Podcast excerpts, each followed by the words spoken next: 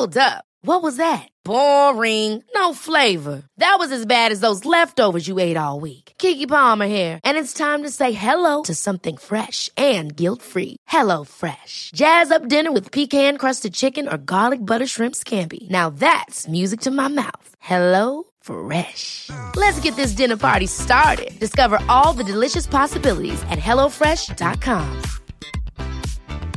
Hey, it's Ryan Reynolds, and I'm here with Keith, co star of my upcoming film, If, only in theaters, May 17th. Do you want to tell people the big news? All right, I'll do. Sign up now and you'll get unlimited for $15 a month in six months of Paramount Plus Essential Plan on us. Mintmobile.com slash switch. Upfront payment of $45 equivalent to $15 per month. Unlimited over 40 gigabytes per month. Face lower speeds. Videos at 480p. Active Mint customers by 531.24 get six months of Paramount Plus Essential Plan. Auto renews after six months. Offer ends May 31st, 2024. Separate Paramount Plus registration required. Terms and conditions apply if rated PG.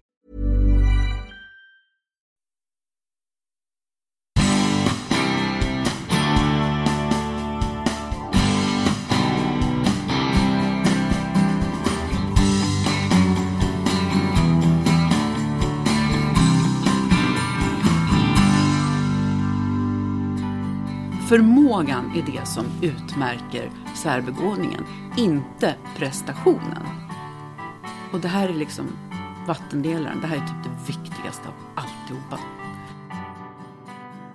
Om man inte är normal ska man inte heller behöva vara det, för det vinner ingen på i längden.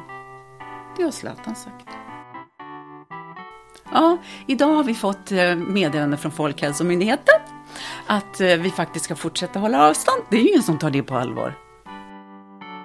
Då kan du lika gärna säga, ja men jag ska lägga mig ner med, med en halsduk över ögonen och inte göra någonting för att imorgon ska jag upp och jobba och då vill jag ha mera hjärnkapacitet. Det är lite konstigt.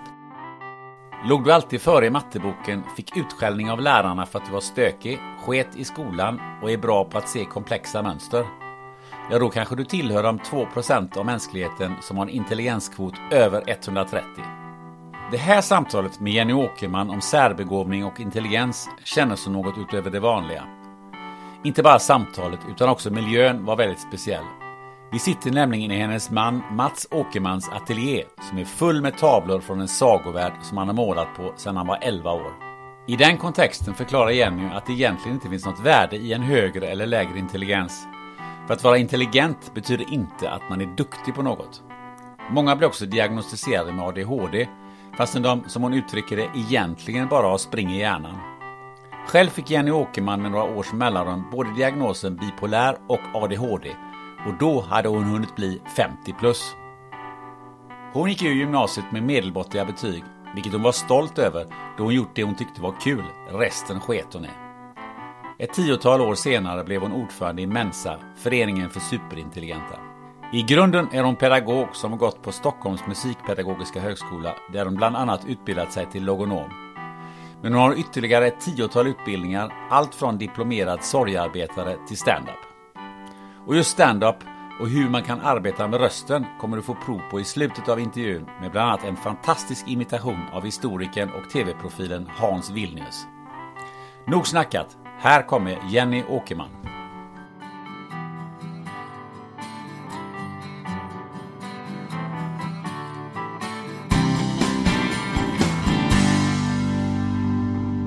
Jag har en spretig verklighet. Så alltså. Du skrev så. Ja, vad, vad, ja. vad, är en spret, vad är en spretig verklighet? Alltså det kan jag ju knappt förklara för att då vore den inte spretig. Men jag tycker att det har väl, alltså spretigheten och rörigheten, det har följt mig hela livet. Att försöka få syn på hur jag kan använda mig av mig utan att det blir konstigt eller sådär. Ja, för många gånger så pratar man en spretig bakgrund. Men nu är det en spretig verklighet. Ja. Det känns som att det är, det är här och nu. Ja. Det är det. Jenny Åkerman, välkommen till podden Spännande möten. Tack. Eh, en annan sak som du också kommenterade eh, när jag frågade om du hade tid innan semestern. Det var så här. Ja, ja, jag har mycket tid. Lite nya projekt och en roman. Ja, den här romanen. Eh, jag har skrivit ganska mycket, eller ganska gärna i mitt liv. Gillar språk, gillar att skriva. Eh, men det har aldrig blivit mer än små kåserier eller roliga brev eller någonting sånt där. Men sen eh, jag har gått också lite skrivarkurser med min mamma. Hon skrev alldeles för lite, men hon skrev också gärna. Eh, lite så här halvfakta om sin uppväxt på Sankt Eriksgatan på 20 och 30-talet och sådär. Eh, Sankt Eriksgatan, det är där vi befinner oss nästan. Ja, det är det ja. Ja. Just det. Ja, så här uppe låg deras lägenhet och deras fotoaffär. Min mormor och morfar grundade Öbergs Foto, som var typ största fotobutiken under ja, 50-60-talet. Så. Ehm, så. Och sen så dog mamma för ett år sedan. Hon var en av de första som dog i coronan. Eller då sa man coronan, då hade jag aldrig hört ordet covid förut. Ehm, och hon var gammal, hon var 97. Och ehm, hon var inte särskilt dålig egentligen, mer än att hon sa man ska inte bli så här jäkla gammal. Det är obscent att bli så här gammal. Nu får det väl fan räcka. Ungefär så hade hon sagt länge. Men hon och pappa har hängt ihop sedan 1946, 45 faktiskt. Eh, så att, och pappa är tre år yngre. Så att då var mamma 97 och pappa var 93. Då hade han inte fyllt 94 än. Ehm, och så blev pappa sjuk och mamma blev inte särskilt sjuk. Och vi fattade inte att det var corona, men han blev sämre och så behövde han åka in på sjukhus. Och då eh, skulle han få en remiss för att åka in på sjukhuset eh, som han skulle ha med sig i ambulansen. Nu är det här, hör jag mig själv säga, det är en utvikning från romanen. Men vi kommer framåt, jag lovar. Eh, han skulle åka iväg då i ambulansen och eh, så skulle jag gå upp till vårdcentralen och hämta den här remissen som deras husläkare hade skrivit. Och så fick jag en sån här förflugen idé upp i hissen att fan, tänk om det skulle gå. Och så frågade jag läkaren, kan inte du skriva en remiss till mamma också? Så får de åka in samtidigt och dela rum. Nej, sa hon, man kan ju inte skriva en remiss till någon bara för att den är gammal. Men ja, hon har ju lite besvär med andningen. Och då visste man ju inte att andningssvårigheter hörde till coronan, för det var så nytt då. Det här var alltså mars, mitten av mars 2020. Och så, um, så fick jag i alla fall den där remissen. Och så fick de åka in och så stod det i remissen att de här ska inte delas på. Och så låg de i samma rum och då testade de positivt och vi fick inte komma dit. Och sen bara en eller två dagar efteråt så ringde läkaren och sa du och din syster får dispens från besöksförbudet. För vi var ju också smittade, det hade han redan konstaterat. Så vi fick dispens eftersom mamma inte hade många timmar kvar. Och så kom vi dit och det var lugnt och pappa var i samma rum fast han var väldigt sjuk. Och mamma fick lite morfin och hennes sista ord blev Åh gud så skönt. Och så dog hon. Och så sa pappa, är, är hon död nu?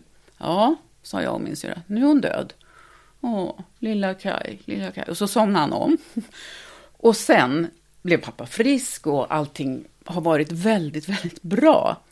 Och vi har sagt till varandra, sa till varandra väldigt mycket, men gud, hur hade det gått annars? Om de inte hade fått coronan. Jo, mamma fick demensdiagnos dagen innan hon dog.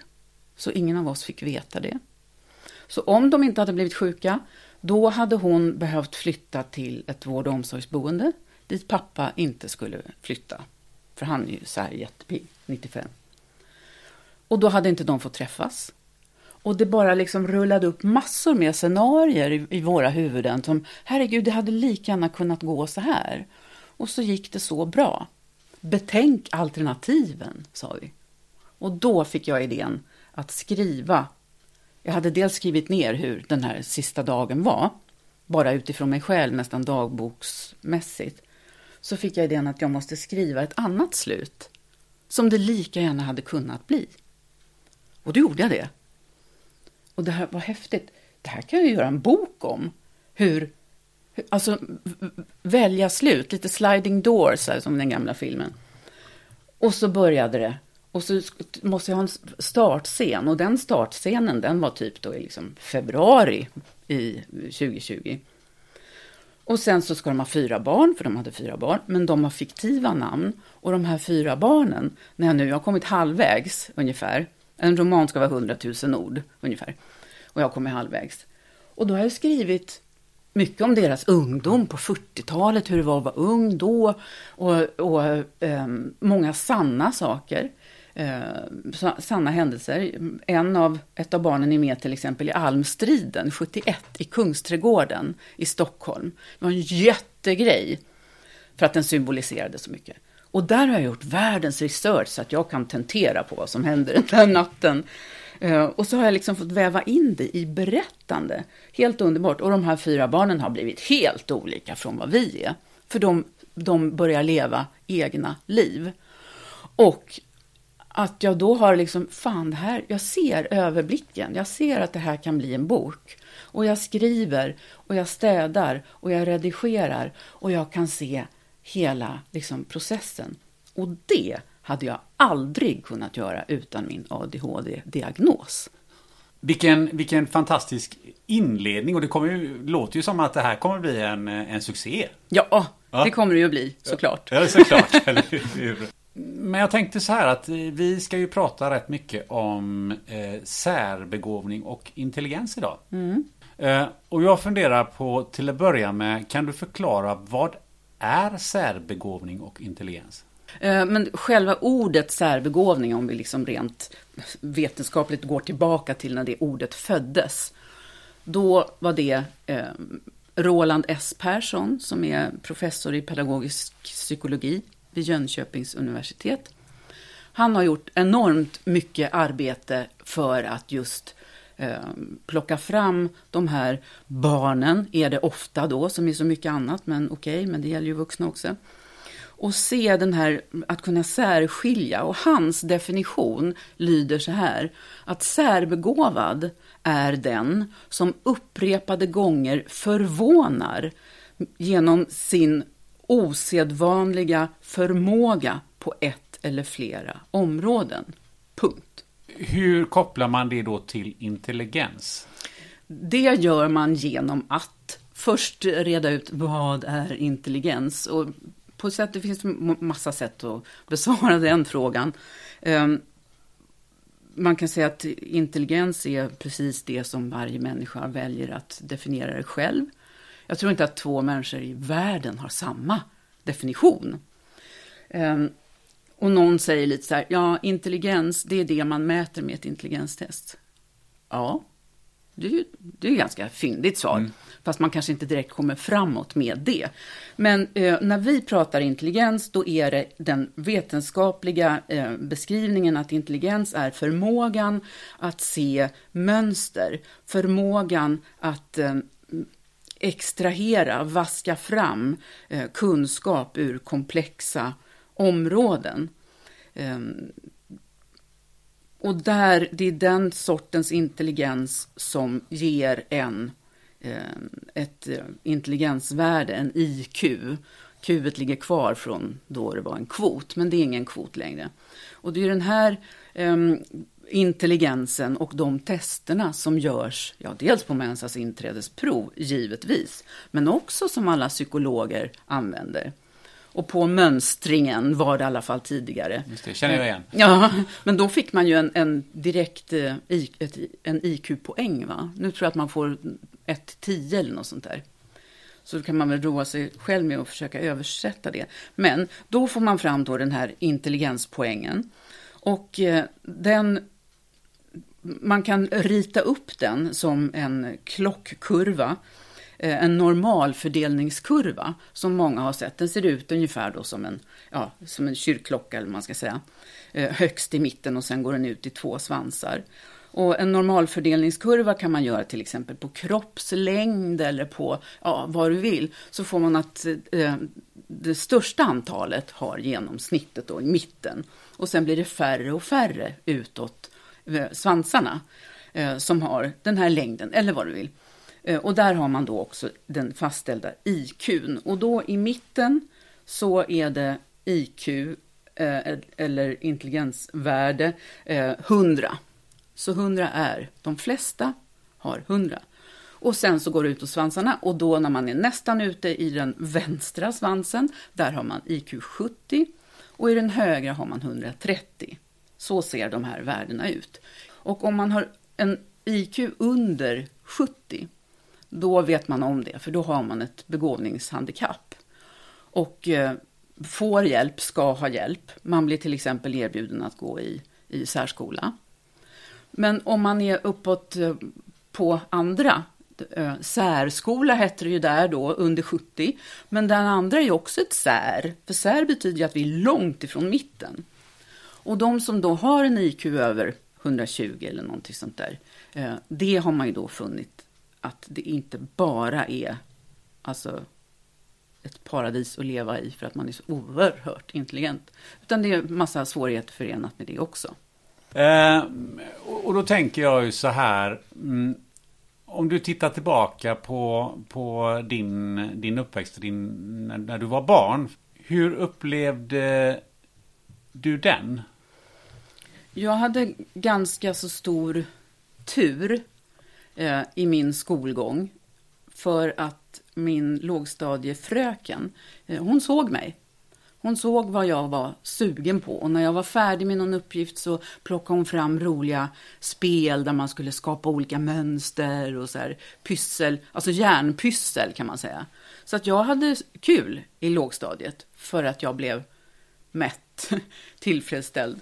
Det är jättemånga som bara, ja jag är färdig nu, jaha, då får du sitta och rita eller vara hjälplärare, vara lärarens lilla assistent bara för att man är färdig. Ja, det är massa sådana skräckexempel som finns. Ehm, men jag hade det bra med min lågstadiefröken. Och sen kom jag till en annan skola och jag hoppade över fyran så att jag gick direkt från trean till femman. Och då blev massa saker annorlunda. Men också där fick jag en klassföreståndare som såg mig. Så att jag hade ganska kul i skolan. Men eh, hemma då, var det, blev det väldigt mycket uppmärksamhet hela tiden för att de tyckte att oj, men kan redan läsa eller vad du nu kunde för någonting väldigt tidigt? Ja, de var väl alltid, både mamma och pappa, kanske särskilt pappa, eh, såg ju till att jag fick vad jag ville ha. Jag kommer ihåg, Ehm, jag har en, en eh, pseudotvilling som det heter när man är eh, mindre än 14, mindre än ett och ett halvt år emellan. Så eh, hon är 14 månader äldre än jag. Och vi skulle få prenumeration på varsin tidning. Och det var mamma och pappa som bestämde. De bara, och hon fick Kamratposten, som ju var en otroligt populär tidning, verkligen. Och jag fick Vår problemtidning. Jag har försökt googla på den men inte hittat den. Men den var lite mindre och så var den bara svartvitt. Och så var det några så här kloka ugglor-teckningar på. Och, och, så var det bara, ja, mera järnpyssel helt enkelt. Lite roliga pussel och så deckargåtor. Eh, och den där älskade ju jag. Eh, så det, var, det är väl ett exempel på att de såg. Och sen, ja, alltså jag blev, jag tycker att jag blev stimulerad. Men hur var det gentemot uh, din, din syster? Är hon också, uh, har hon, samma begåvning som du? Det, nej, hon har en begåvning av ett annat slag. Men jag har, har den här, vad ska man säga, snabba skallen. Men hon är ju konstnär, skådespelerska och alla vi fyra syskon är ganska olika på så sätt. Så att vi har olika typer av begåvningar skulle man ju faktiskt kunna säga. Ehm, men det var ju jag som, och pappa då, eh, och min bror. Han är 13 år äldre än jag, så han är eh, 70 plus nu. Men pappa och brorsan och jag, vi har, eh, som brorsan säger, våra tre sjuka hjärnor. För, ja, tycker det är kul med pyssel och så. Inte alltid, men eh, tänker lite på likartat sätt. Och mamma och mina två systrar bara, skulle aldrig falla dem in och liksom tycka något sånt var kul när upptäckte du själv att ja, men jag har ju jag har ju så mina mycket lättare än de andra. Och jag har, alltså någonstans börjar man väl upptäcka sig själv och börja, börjar titta på sig själv och inse att ja, men jag har inte, jag har ju mer begåvning än vad jag är ju lättare, jag går mycket snabbare. Varför gör det det? Ja, um, dels så fick jag ju mera liksom den typen av uh, eh, grejer, leksaker kanske, men jag fick ett stort uh, ritbord med staket där jag kunde göra vad som helst. Um, så att dels, jag vet inte riktigt hur jag ska... Um, för det är ju inte bara så här, men gud, ja, vad lätt jag har för det här. Jag, jag var snabbare på att läsa eller jag är snabbare på att säga att den där ska vara där eller vad det nu kan vara. Så det är inte, för mig var det inte det i alla fall, en upplevelse av att ha det lättare än andra. Bara gillade andra grejer liksom. Men om man tar föräldraperspektivet då. Uh, hur, hur kan en förälder se att det här barnet har nog någon särbegåvning? Idag måste ja. vi prata om mm. då. Ja, det... Alltså om vi backar några år. Nu blir det en väldig generalisering, men den är viktig ändå. När man inte kände till det här området. Eh, och en lågstadieelev Ehm, sprang runt i klassrummet och ehm, var lite sådär provocerande kanske mot läraren och var ja, lite allmänt störig. Då kunde det bli ett elevärende. Att det här, det här, vi har problem med det här barnet. Um, och så kunde man i princip då, aha, vad kan det vara för någonting då? Kan det vara kan det vara det här Asperger? Nej, det är det nog inte. Den är alldeles för social för det. Eller, ja, kan det vara, vad kan det vara då? Kan det vara det här ADD? Nej, de är ju liksom lugna. Ja, men ADHD då? Ja, men det stämmer. Så kunde man, det finns många exempel, på elever som har blivit diagnostiserade med ADHD fast det inte har varit någonting annat än en särbegåvning. Alltså någon som har spring i hjärnan istället för att ha spring i benen. Men det är ganska lätt att urskilja vilket som är vilket. Men det kunde man ju inte göra förr innan man visste om begreppet. Men om man, är, um, om man har ADHD, då har man det dygnet runt. Men om man är särbegåvad och är stökig i skolan, då är man inte stökig hemma där man får sitta och pyssla med sitt. Hur, hur ska man agera som förälder då, när man inser att det här, mitt barn har nog någon sorts eh, särbegåvning? Då ska man gå in på Mensas hemsida och läsa på lite och se vart man kan vända sig och ta kontakt med dem. För då får man lära sig massor.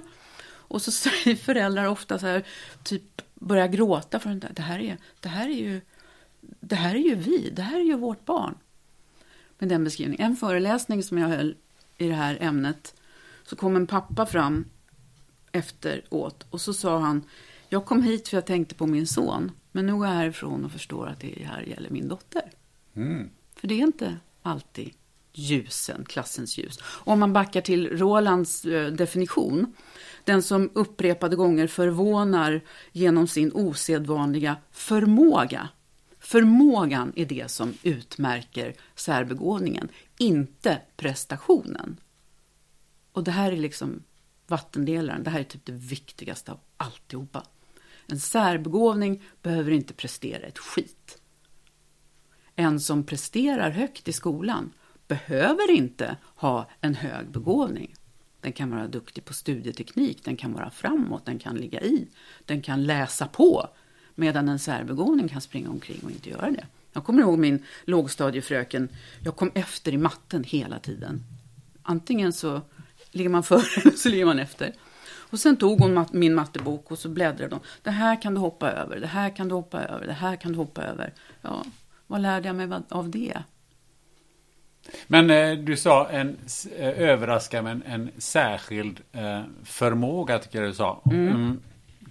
Kan den både vara fysisk och eh, så att säga i teoretisk? Ja, det, det är ju en väldigt bra fråga. För där, med den frågan så blir så mycket tydligt. För att givetvis finns det särbegåvningar. Alltså det är klart Zlatan är en särbegåvning, hallå. Jo, särbegåvad är den som upprepade gånger förvånar genom sin osedvanliga förmåga på ett eller flera områden. Han kan ju också Utöver att han kan spela fotboll kan han ju servera fantastiska citat. Till exempel, jag se om jag kommer ihåg den här. Om man inte är normal ska man inte heller behöva vara det, för det vinner ingen på i längden. Det har Zlatan sagt. Det får mig lite att tänka på hur, hur tycker du att eh, man i allmänt sett eh, behandlar eh, människor med den här särskilda Eh, begåvningen i, i Sverige idag? Alltså på det ena eller det andra sättet skulle jag säga. vad eller så det? ser man dem inte överhuvudtaget. Antingen vet man, antingen känner man till vad det här handlar om. Eller så gör man inte det. Och om man inte gör det, då är det ju liksom... Eh, då ser man det ju inte överhuvudtaget och det är då man kan råka tolka de här symptomen som stökiga. En Mensa-kille, han gick från årskurs 4 till årskurs 7 i särskola. För att de trodde att han var bakom, liksom. att han behövde en massa hjälp att tänka. Men han behövde ingen hjälp att tänka, han behövde hjälp att förstå hur han ska tänka för att må bättre. Hur, hur kan barn eh, må eh, med eh, särbegåvning? Dåligt. Kan må dåligt, kan må bra. Men min, mina hjärtebarn, alltså det som är den gruppen som jag vurmar mest för, den är ju såklart inte den enda grupp som finns. Men eh, det är den, min hjärtegrupp. Och det är ju de som mår dåligt för att de inte blir sedda. Hur, hur kan det yttra sig? Det kan yttra sig i eh, ja, att de blir mobbade, till exempel. Eh, och då om vi går upp några år, så den typiska nörden med tjocka glasögon som luktar svett. Ja, men det är de som har byggt vårt samhälle. Ehm, men det är de som, de som inte syns eh, om man inte vet om att de existerar. Eh, och de kan vara till exempel då en flicka som ehm, en, en klass, en årskurs två, där de fick en ny mattebok. Och eh, hon tog hem den här matteboken och räknade ut den på kvällen. Hon satt där med sitt järnpyssel och hade jättekul. Kunde lika gärna vara någon annan pysselbok eller Vår problemtidning eller någonting. Så kom hon tillbaka till skolan och gick fram till läraren som då var en fröken, vilket det ofta är. Ehm, och glädjestrålande så här, den här är klar nu, kan jag få nästa? Och fröken tittar i boken, tittar argt och allvarligt på flickan och säger, nej du, du får inte ligga före dina kamrater, varsågod och sudda. Va? Sånt händer. Och när jag och vi andra som informerar om de här sakerna, alltså du kan inte ana hur många det är som säger, ja, det där känner jag igen, det där känner jag igen. Och det är så jäkla sorgligt. Det finns i många skolor idag, så finns, apropå matteböcker, så finns det um, stoppstjärnor, tror jag det heter. Det vill säga att ligger man och räknar på sidan 30 så är det en stoppstjärna på sidan 62. Det betyder att man får inte räkna längre. Man, man måste stoppa där, för att klassen måste komma ikapp. Och vem säger så i något fysiskt sammanhang? Att nej, nej, nej, nej, du får inte, ni ska springa 60 meter här. Nej, nej, nej, du som spring, springer snabbast. Du måste springa lite långsammare så att ni blir jämna. Gör man dem, precis som du gjorde förut, jämförelserna med de fysiska alltså företeelserna eller prestationerna, så blir det ganska tydligt, för i den världen är det helt okej. Okay. Men eh, har vi inte som samhälle, nu gör jag ett antagande här, Eh, vill vi inte gärna att de flesta ska ligga runt 100? Eh, inte ligga efter och inte ligga eh, före. Mm, jo, så är det ju väldigt mycket. Eh, samhället faktiskt är uppbyggt. Men vi lever ju också i ett eh, skifte av inställning och det är ganska svårt för att vår generation, vi växte ju upp, alltså när Palme var eh, utbildningsminister, då sa han så här att ni, så vände han sig till gymnasieelever var det, eh, men det kunde vara vilka som helst. Ni går inte i skolan för att lära er någonting eh, för er själva, utan ni går istället i skolan för att lära er hur man fungerar som en del av en grupp i ett demokratiskt samhälle. Det var utbildningsministern, skolministern, så att hela vår uppväxt i skolan är ju fullständigt genomsyrad av den ideologin. Och nu säger man att det ska vara entreprenöriellt, bara att uttala ordet är lång utbildning för. Och, och att det ska vara, man ska tala om vart man ska och sen så ska eleverna själva få forska och så vidare. Och det är underbart när det är nya, nyutexaminerade lärare som är inne i det här. Men även de har ju gått i skolan med det här lite faktiskt nedtryckande. Men utöver att man ska ligga i, i centrum, att hundra och häromkring, va, hundra, ja, Och 85 till 115 må ha hänt. Men det har också blivit en dragning neråt. Så att det kanske inte är just 90, 110, utan det kanske har blivit 85, 105. Att det glider åt vänsterskalan. Varför är det så? Eftersom de som behöver hjälp, de är i prioritet. Därför, om man undervisar i en klass, så är det så viktigt att alla hänger med. Och det blir på bekostnad av de som har lätt för sig. Så då blir det snarare så. Utifrån det du säger här, i din värld, hur skulle, hur skulle det se ut då? Hur löser man det här? Eh, ja, om man ser det politiskt eh, så har det hänt någonting på vägen upp, eller vad vi ska säga om vi pratar liksom, regering och skolminister och alltihopa. Det har hänt någonting på vägen när vi pratar särbegåvning. För att, så att säga, min grupp, de här som, som eh, mår dåligt och inte presterar, de har tappats på vägen. Och så har begreppet särbegåvning, särskild begåvning, blivit, eh, i den mån det blir en politisk fråga, så har det bara handlat om de som, eh, de som presterar högt. De som blir eh, de alltså stjärnorna helt enkelt i klassen. Vad ska vi göra med dem? De måste få mer att bita i. Nya skollagen som kom 2011, där har det tillkommit en passus där, där det verkligen står att de som lätt eh, kommer framåt ska ges eh, vidare stimulans inte exakt den definitionen, men det står i lagen att når, når man lätt målen så ska man få mera stimulans. Och det tycker jag är lite synd när det står om man lätt når målen. För att det är så många som skulle behöva hjälp som inte når målen. För att man gör någonting annat som är roligare. Särbegåvningar bryr sig inte om betyg, förutom den gruppen då som kanske får de höga betygen i alla fall. Och när det kom upp då till eh, Jan Björklund, heter han, så jag inte säger fel, för, då för ett par år sedan, som pratade om det här i ett klipp jag såg. Att de eleverna som eh, presterar högt och så vidare, så pratade han verkligen om den gruppen. Särbegåvningar som presterar högt. Och visst, de måste få mera stimulans. Det står i lagen, det måste de.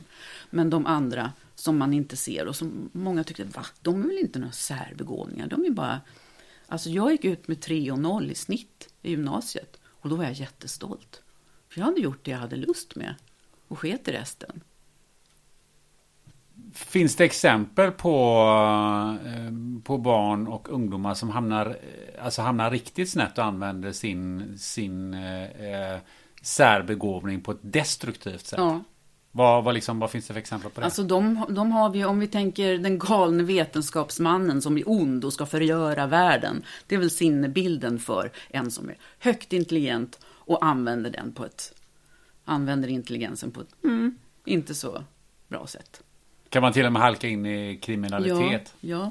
Finns det, det är klart på det? man kan. Ja, jag har inget, jo den och den, men självklart vet ju att det är de, ja, i och för sig så vet man ju numera att det finns väldigt många eh, brottslingar som, som skulle behöva diagnostiseras med ADHD. Och kanske gör det också. Som har så jävla mycket spring i ja, både hjärnan och ben och armar och allting för att bli lugn. Men det finns ju den här överlappningen också. Som att eh, ADHD och särbegåvning, mm, det är inte helt väsensskilda företeelser. Det finns en överlappning. Även om givetvis den stora gruppen ADHD inte är särbegåvad och vice versa. Men det finns en överlappning.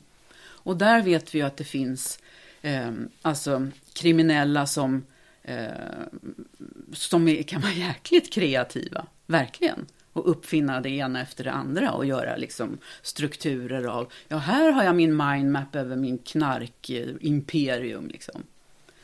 Men jag, jag, tänkte just det på att komma in lite grann på det här med, med eh, diagnoser. Jo, jag har i en av mina föreläsningar så går jag igenom eh, fem stycken diagnoser, ish.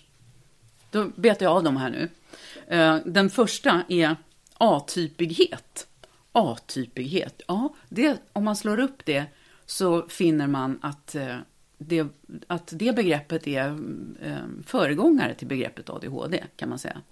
En A-typ personlighet är en som blir lite kolerisk och vad fan, jag brusar upp lätt och springer omkring.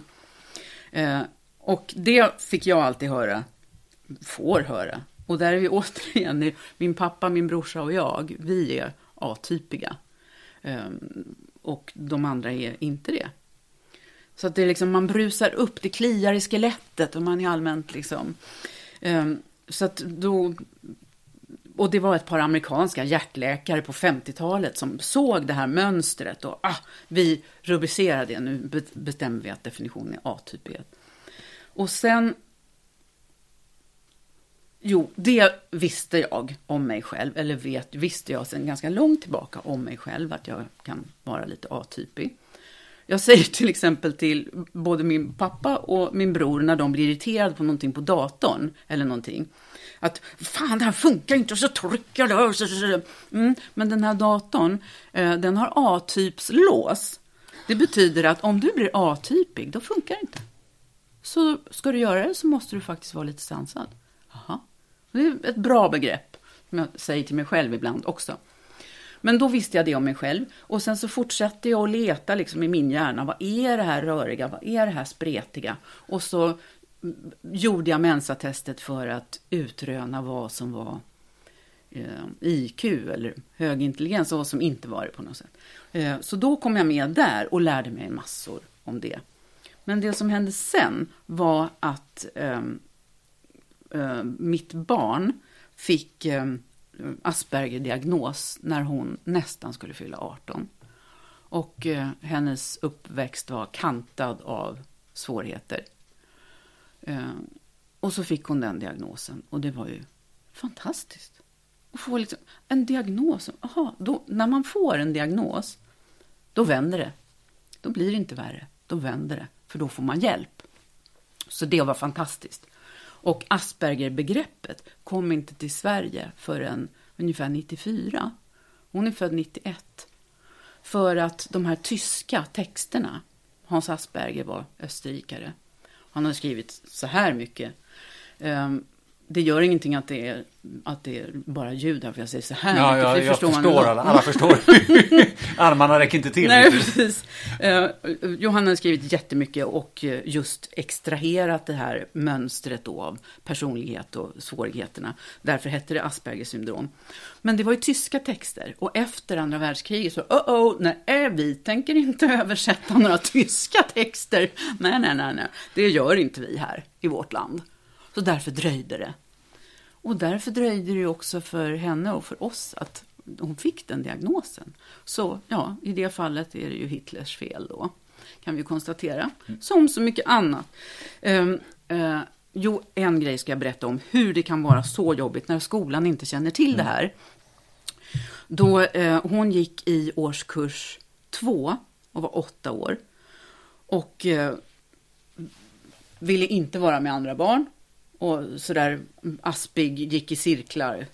Eh, massor med Asperger-symptom eh, som ingen visste om då. Utan bara att nej, men hon är lite eljest. Liksom. Eh, och sen så gick hon i individuell terapi på BUP så att vi kom in där, men hon ville inte fortsätta där sen. Men då blev jag och min man blev kallade till skolan för ett samtal med eh, skolpsykologen. Jaha, vad handlar det om då? Ja, det kan vi inte säga på telefon. Va? Ja, ja, men då kan vi inte säga att vi kan komma imorgon klockan två liksom. Jo, ni måste det. Det är skolpsykolog, så kom vi dit. Och den natten sov man ju inte särskilt mycket. Eh, skolpsykologen, klassläraren och biträdande rektor. Eh, och så jag och min man. Och vi var så, alltså vad är det som har hänt? Är det tankarna får ju så här, är det någon som har gjort något mot henne som de inte kan berätta liksom, i telefon? Ja, det var jag skrajast för. Eller var det det jag var skrajast för? Sen kom jag på så här, tänk om det är Mats som har gjort någonting mot henne, som jag inte vet om. Fast Mats är världens underbaraste människa och snällaste pappa och rubbet. Men jag ändå fick den tanken, för att det här måste vara något konstigt. Men sen kom den konstigaste tanken, tänk om det är jag som har gjort någonting mot henne som jag har förträngt, som jag inte vet om. Du vet, hjärnan sprang iväg. Men då, då sa de så här, det har kommit till vår kännedom att eh, er dotter, mm, hon får eh, gå hem på eftermiddagarna och inte gå till fritids. Och vi, eh, ja. Ja, men eh, de som går i årskurs två ska gå på fritids. Eh, nej. Eh, ja, men hon måste ju faktiskt gå på... Nej, men hon får gå hem. Hon mår inget bra på fritids. Ja, men hon, det där kan man inte göra för en man är 12 år. Eh, jo. Och, och då tog de till kraftargumentet. Jaha, men vi har i alla fall fått höra att hon får använda mikron för att värma köttbullar till mellanmål. Och jag bara så här, ja de är ju inte så goda frysta. Ja, det var hemskt. Det var, det var väldigt hemskt faktiskt. Men det var ju skönt också att få det där utklarat. Eh, men då fick vi ju ännu mer förståelse för att, eh, att det var svårt och att det var någonting. Och det är så jäkla svårt att säga att vårt barn, det är något fel på vårt barn. Alltså det kan man inte riktigt säga. Man vill väl inte se det heller riktigt, eller? Nej, visst. Visst. Och det var alltså så mycket skam och um, både för henne själv och för mig och ja. Uh, så att hon hade ju de här problemen. Att ha odiagnostiserad Asperger i högstadiet, det kan vara väldigt jobbigt. I de åren, under puberteten, liksom, då vill man inte ha det också. Um, ja, så mm. det var det. Det var det? Jo, men jag måste berätta också, så himla gullig hon var. Um, vi sa, nu är du 17 år, snart blir du 18 och då gäller inte BUP längre. Då måste man, om man vill ha hjälp, gå till vuxenpsykiatrin. Det här förstod vi i alla fall och kunde säga. Så kan du tänka dig att i alla fall gå med till BUP på ett, ett förutsättningslöst samtal. Eh, ja, ja, okej då. Så. Och så var vi där. Och så var det ett par psykologer och några människor som satt där. Och så, och så sa den här ehm, psykologen så jäkla klurig fråga. Han vände sig till henne och så sa han, du, um, om du skulle få problem någon gång och, uh, vi skulle, och du skulle behöva hjälp och vi skulle kunna vara de som kan ge den hjälpen, skulle det vara bra? Ja, det skulle det. Vad skulle det kunna vara då för problem? Liksom spåna så här. Ja, sa hon på sitt så här Asperger-aktiga sätt och satte, pek, satte fingrarna mot varandra. Så. Ja, i min ålder så börjar man ju intressera sig för det motsatta könet. Så om ni kunde hjälpa mig med det skulle jag vara tacksam. Underbart. Så jävla rakt på sak. Hon är så underbar. Hon säger som det är. Eh, och det är härligt. Så att då vände det. Då blev hon utredd och fick diagnosen. Mm. Och sen så, när, när hon började må bättre, då efter ett par år så printade hon ut från 1177 en bibba med, jag tror att det var utmattningssyndrom eller någonting. Det var i alla fall. Och så skrev hon på så här, läs, betänk, prata med mig, prata med Mats, prata med terapeut, gör något, skrev hon på utsidan. Jaha, för då hade, hon, då hade det vänt för henne och hon förstod att jag också hade problem. Eh, så att, ja, då sökte jag hjälp. Och så fick jag diagnosen bipolär sjukdom för sex år sedan. Alltså när jag var 52 år. Och för fyra år sedan fick jag ADHD-diagnos. Och att hitta mensa och att få de två diagnoserna, om jag bara talar för mig själv då, det har förändrat mitt liv. Bara till det bättre. Vad är, vad är det viktigaste förändringen som, som du upplever? Den frågan har jag aldrig fått. Men det är nog ganska så tydligt att eh, det är okej. Okay. Att jag är okej, okay, att det är okej okay vad som jag är. Att jag inte behöver ja, slå på mig själv och skämmas och så som man håller på annars.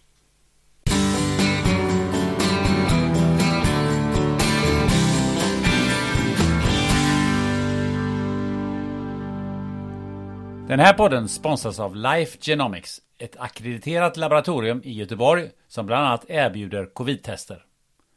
Har du precis bokat en resa på kort varsel och behöver PCR eller antigentest för covid-19? Ja, då kan du gå in på coronapassport.se för att hitta en vårdgivare i din närhet och boka tid för test och friskhetsintyg. Life Genomics har samarbete med ett 150-tal kliniker över hela Sverige. Och nu, nu kommer en nyhet. Om du reser från Arlanda eller Landvetter då kan du även testa dig direkt ute på flygplatsen vid Life Genomics Lab i samarbete med vårdgivaren Express Care. Där kan du få ett antigentest med reseintyg inom så lite som 30 minuter och ett PCR-test och reseintyg inom 2 till 4 timmar. Så gå in på expresscare.se och boka din tid direkt. Tack Life Genomics!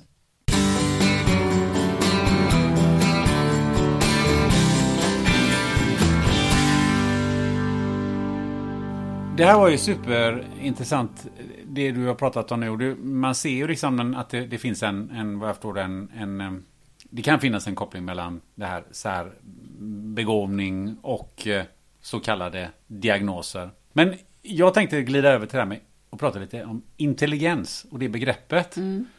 Du var inne på det här med att, att mäta intelligens eh, är någon sorts, eh, man får ett test där det finns någon sorts logik. Och jag har sett det. Det är massa pilar och det är figurer och så ska man fylla i vad som, vilken figur ska vara där i ruta mm. 9. Mm, så. Just det. det kan man gå in på Mensa och, mm. och, och, kolla.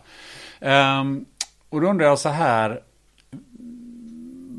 Varför är bara det ett bevis på begreppet intelligens? Just att man klarar av att fixa rätt figur i den nionde rutan. Finns det inte andra sätt att mäta intelligens på? Um, vad skulle det vara? Inte vet jag. Det är mm. jag ställer frågan. Mm. Anledningen till att det är de här matriser kallas det för. Mm. Uh, och det är, alltså sånt här kryllar jag av i veckotidningar också, att vilken figur ska bort. Men det är inte, det är inte seriösa intelligenstest. Men en matris är en, precis som du säger, det är en 3 gånger 3 eh, figur där den nionde rutan i eh, högra nedre hörnet är tom och så har man fem alternativ, vilken passar in där? Eh, och eh, en, en enkel matris, den, den är liksom ett lager. Sen kan man på sätt och vis ta en annan matris och lägga den på den. Så att man ser att jaha, här behöver man se lite flera mönster. Att om den där vänder sig ett kvarts varv dit och den vita pricken hoppar till vänster ett snäpp, då Förstår du? Så mm. det är mm. liksom svårare och svårare. Och när man gör sådana tester, då ser man, alltså alla människor, ser eh, lösningen. Eh, oftast är den första för den plättlätt.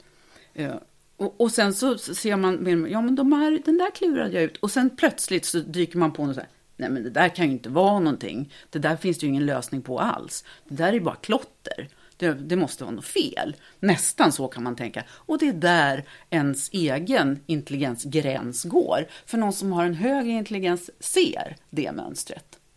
Så enkelt är det. Och att det bara är de här figurerna är för att det ska vara demokratiskt. Eh, det vill säga, språk ska inte ha någon betydelse. Ålder ska inte ha någon betydelse. Ingenting annat än förmågan att se mönster.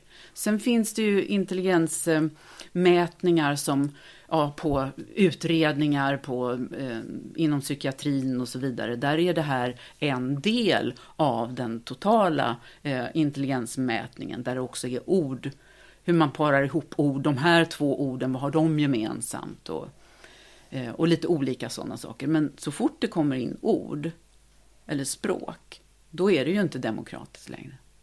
Men jag funderar på människor som då besitter den här eh, förmågan, 130 och uppåt mm. på den här skalan. Mm. Vad, finns det någonting som gemensamt utmärker de, eh, de här eh, människorna? Är de, är de till exempel, om jag tänker på eh, sån sak som lycka och nöjdhet med livet. Finns det en koppling där? Både och. Um, verkligen både och. För först måste vi verkligen fastställa att uh, uh, en hög intelligens inte i sig betyder att man är duktig på någonting. Man har lätt för det, men man är inte duktig. Uh, man kan vara smart, men inte ha särskilt hög intelligens. För om man är smart, då använder man det man har för att få det man vill. Och väldigt många högintelligenta använder inte det de har och får ett dassigt liv. Så det, det finns, inget, eh, det finns inget värde i en högre eller lägre intelligens. Och det här tycker jag är nyckeln till att förstå att det inte bara existerar utan att det också faktiskt är ett eh, viktigt område.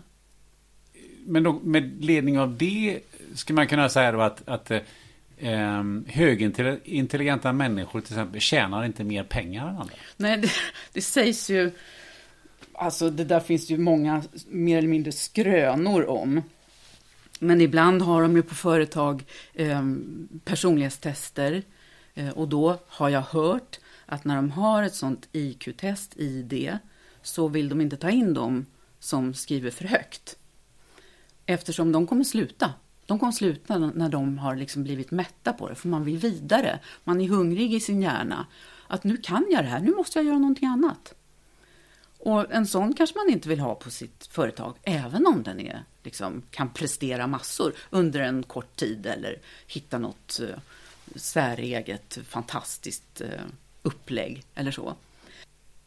Men, och sen så sägs det också, Ehm, det här är lite hittepå, men det är skoj ändå, eh, att, eh, nej men det har de faktiskt kommit fram till på riktigt, att chefer överlag har en genomsnittlig IQ på 117. För de är tillräckligt högt begåvade för att kunna se de här mönstren i företaget och vidta åtgärder si och så, si och så och är jättebra på det eh, lär sig och är duktiga på det. Men de har eh, tillräckligt låg IQ för att inte känna den här frustrationen. Nu kan jag det här, nu vill jag vidare. För då sticker de. Men de som stannar, 117. Och då hade vi en fest en gång. Då, ja, party, party. Och så, så kom, jag stod vid baren, så kom en kille fram. Han hade verkligen fått lite för mycket. Eh, och så kom jag vill ha en, en öl till, vad som helst. Ge mig några alkohol. Och jag och några till, men du, jag tror inte, det är ingen bra idé att du dricker mer. För intelligensen sjunker ju faktiskt av alkohol. Det gör den ju. Alla blir dummare när man dricker sprit. Och då sa han, ja men jag försöker komma ner till 117. Jag vill bli chef och rik. Det var ju faktiskt ganska roligt. och det var faktiskt väldigt roligt. Men jag tänker på, om vi går tillbaka till det här med, med pengar. Du sa att eh, de, men, eh, de särbegåvade är inte himla intresserade av eh, att få högt betyg. Kan man, kan man dra det så långt så att ja, men de är inte så himla intresserade av pengar heller? Ja. Så är det? Mm. Det är jag ett levande bevis på. Hur då? Nej, men jag har inga pengar. Jag tycker det är tråkigt med pengar. Jag kan ingenting om mina bankkonton eller... Och så har jag eget aktiebolag. Ingen bra idé. Jag skulle behöva en god man. Jag har en god man, men inte en sån god man. Nej, precis. En annan sak man kan fundera på är eh, människor som har högt IQ. Har de också eh, en, en hög EQ? Det är en intressant fråga. Men alltså det är, dels är det äpplen och päron. Eh, eller om du vill ha ett kort svar, då säger jag ja, de har högre EQ. Okay. Det är det korta svaret. Mm. Eftersom intelligens eh, korrelerar högt med, det frågade du nyss så jag kanske gav lite felaktigt svar på det, men eh, det här med framgång och, och interaktioner med andra människor och sådär. Hög IQ korrelerar högt med altruism, att vara, vi ska vara snälla mot varandra.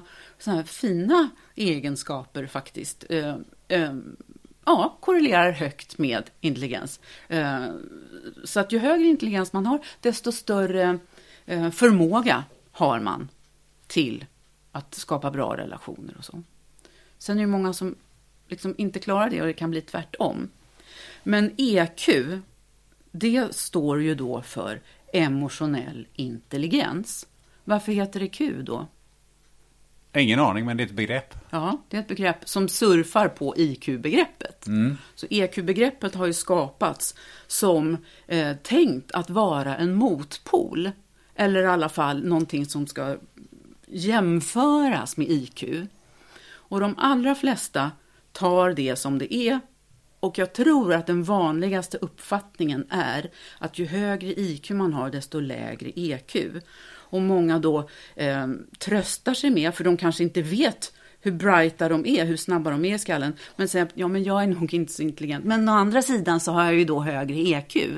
Men det är snicksnack. Um, för som sagt, det är äpplen och päron. Och att det heter EQ överhuvudtaget tycker jag är fjantigt att försöka surfa på det begreppet. Däremot är det inte fjantigt att lyfta fram vikten av att vi är vakna och snälla och medvetna om att vi är emotionella varelser. Det är ju jätte, jätteviktigt. Någonting som jag tycker är intressant här, om man kombinerar den här eh, höga IQn med någon förmåga att se människor och interagera med människor. Eh, finns det någonting som säger eh, någonting om att sådana som har högt IQ också är duktiga på att manipulera sin omgivning? Det, det finns väl... Um, alltså att manipulera sin omgivning är ju också ett begrepp för sig. Vad är det att manipulera? Ja, men jag tänker så här. Att om du kan förutse vad andra ska göra och säga och att du själv kan säga saker och ting, även om du inte kanske står för dem, eller, eller säga saker och ting för att uppnå en viss fördel eller för att hantera människor. Alltså utöva en sorts makt. är ju oftast manipulation. De som är maktmänniskor är ofta duktiga på att manipulera mm. andra. Mm. Um, finns, det, finns det någon korrelation här? Alltså eh, det som du inte sa nu, eh, det var ju huruvida det här scenariot som du målade upp var vinning för dig och dåligt för de andra. Eller så märker de inte att det är dåligt. Men är det, det är det du menar, att det ska vara dåligt för de andra för att man själv ska vinna någonting? Är det det som är ja, men alltså, manipulation? Alltså, men om du vänder på dem, jag står eh, och, och, och, vet att jag har en människa mitt emot mig som är väldigt manipulativ. Mm. Eh, eller ännu värre, inte, där jag inte vet att den här personen är manipulativ. Jag upptäcker det först tre år senare. Ja. Så, så får man ju säga att det är någonting som är negativt.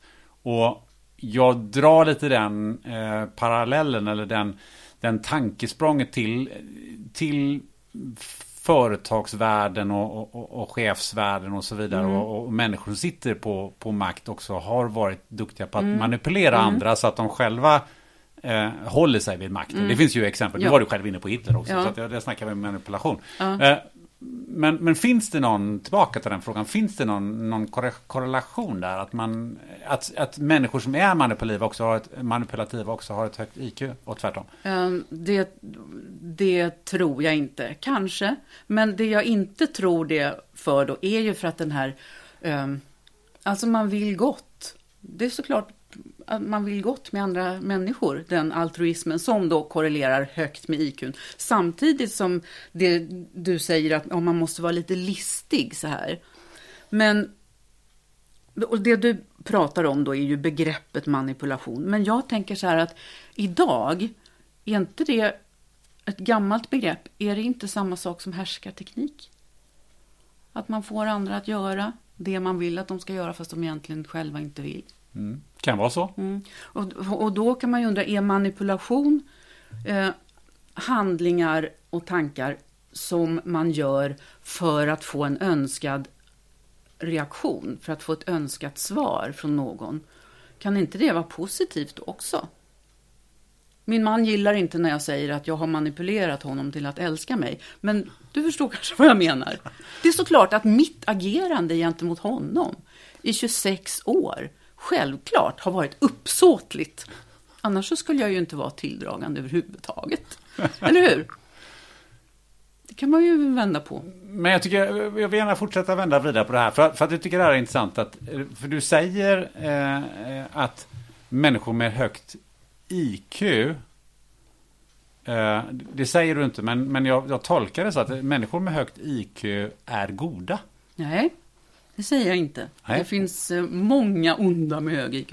Nej, men det som är superviktigt med allt det här är att eh, människotyper Alltså när jag gick hit idag och gick ner för Sankt Eriksgatan och möter några personer så, här, så roade jag mig med tanken. Undrar om den där är Mensa-medlem? Ingen aning. Ja men den där då? Ja men den där? Ingen aning. De enda jag var säkra på att de inte var det var barnen. Men inte ens det var jag säker på. Vår yngsta medlem är åtta år. Mm. Så det, eh, det är sån otroligt stor skillnad i personligheter, det måste man veta. Det är precis som diagnoser. Den ena är inte, jaha, du kan inte ha ADHD för det har min son, det vet jag precis hur det är. Ja, men jag är inte din son, jag är jag. Så det är väldigt viktigt. Ehm, så att man kan absolut inte generalisera och säga att människor med hög IQ är goda. Jag tänkte på det här Mensa, vad är, vad är det för, eh, för förening? Det är en förening som intresserar sig för intelligens. Mm. Det finns ingen annan förening som gör. Och det finns inte någon liksom, överhuvudtaget organisation eller någonting som riktar in sig just på det begreppet. Och eh, föreningen föddes 1946 i England. Då det var tre stycken eh, högt intelligenta typer som tyckte att för fasen vad Europa ser eh, förjävligt ut nu efter kriget vi om några borde väl kunna komma på lite bra idéer för hur vi faktiskt eh, bör vara mot varandra här på jorden. Ja, goda människor. Så vi startar en förening och släpper bara in de som presterar högt på ett... Eh, observera, jag säger inte är duktiga på intelligens, intelligenstest. Man säger presterar högt. För det är inte ett skit duktigt, det bara är. Det är ungefär att säga så här, åh vad duktig du är som når upp till den där hyllan säga det till någon som är två meter lång. Förlåt. Jag gör ju bara så här. Ja, det är lika duktigt. I alla fall, så eh, skapade de den här föreningen i England och sen så har det vuxit och blommat och finns i över 50 länder nu. Och även i länder som inte har egna nationella mensaföreningar så kan enstaka personer också vara anslutna till hela den internationella föreningen. Ehm, och frågan var då, hur kan vi göra för att hjälpa till? Men när de började prata om det, då var det, bytte de ju samtalsämne hela tiden. Så här, nej, nu går vi och dricker öl. Eller, ja, ingen i Mensa säger, som jag har varit med om, nej men nu bytte du samtalsämne. Ja, det gör vi hela tiden. Det går så här. Och det, går, det är väldigt svårt att bestämma att nu är det det här vi ska hålla på med. Eh, så att då blev det som det blev. Men föreningen fanns ändå en stor en törst efter i varenda land. Och i Sverige började den då eh, 1964 med en liten klick av killar på KTH som började, liksom, så blev det ringa på vattnet bland dem. Och det gjorde att början, i, i Mensa Sverige i alla fall, blev killar i 20-25 års åldern. Så det har varit den stora eh, centrala klumpen, liksom, om vi säger demografiskt. Men sen så um, vidgade sig ju, så att nu är vi alla möjliga. Varför ska man vara med där? Eftersom man vill. Mm. och kanske eftersom man kan. Eh, väldigt många som går med är, är det ju för att man blir nyfiken. Man kanske skriver högt på provtestet på nätet som finns på hemsidan. Och så, ah, men nu blir jag nyfiken. Så gör man i alla fall man säger att man är nyfiken. Eh, och så får man sitt resultat och eh, då måste man, säger jag, tycka att det är helt okej okay ifall man skriver någon helt annan siffra. Då ska man gå ut genom dörren och vara lika glad ändå. Man ska liksom inte sätta det så jäkla viktigt. Men om man skriver över 130, alltså minst 131, då tycker jag att man ska gå med i föreningen. För det är svårt att veta vad det är innan man är med. Men sen är det när man väl börjar vara aktiv, såklart, det, de flesta är inte aktiva. Vi är sju, sju och ett halvt tusen medlemmar. Men så är det ju några hundra som brukar komma på träffarna och sådär. Och det är märkliga upplevelser många har. Många säger att det känns som att komma hem. Eller som att jag har aldrig kunnat leka med de andra barnen. Men de här barnen kan jag leka med för de är som jag. Samtidigt som vi är helt olika personer helt olika personer. Och sitter man bredvid någon på en fest eller på en träff eller på vad, vad det än är, så kan det vara någon som är liksom så avlägset en själv som jag, jag kan inte tänka mig någon förening som är mera eh, alltså, ja, demokratisk eller huller om buller, alla möjliga olika människosorter. Och då blir det väldigt, väldigt härligt. Ja, för det slog mig när jag började eh, kolla på Wikipedia över kända personer som är med i, eller har varit med i Mensa. Mm. Och, och, det är ju allt från General Schwarzkopf eh, som ledde invasionen eh, i eh, Kuwait. Mm. Eh, till en porrstjärna mm. Som är eh, superintresserad av kvantfysik. Ja.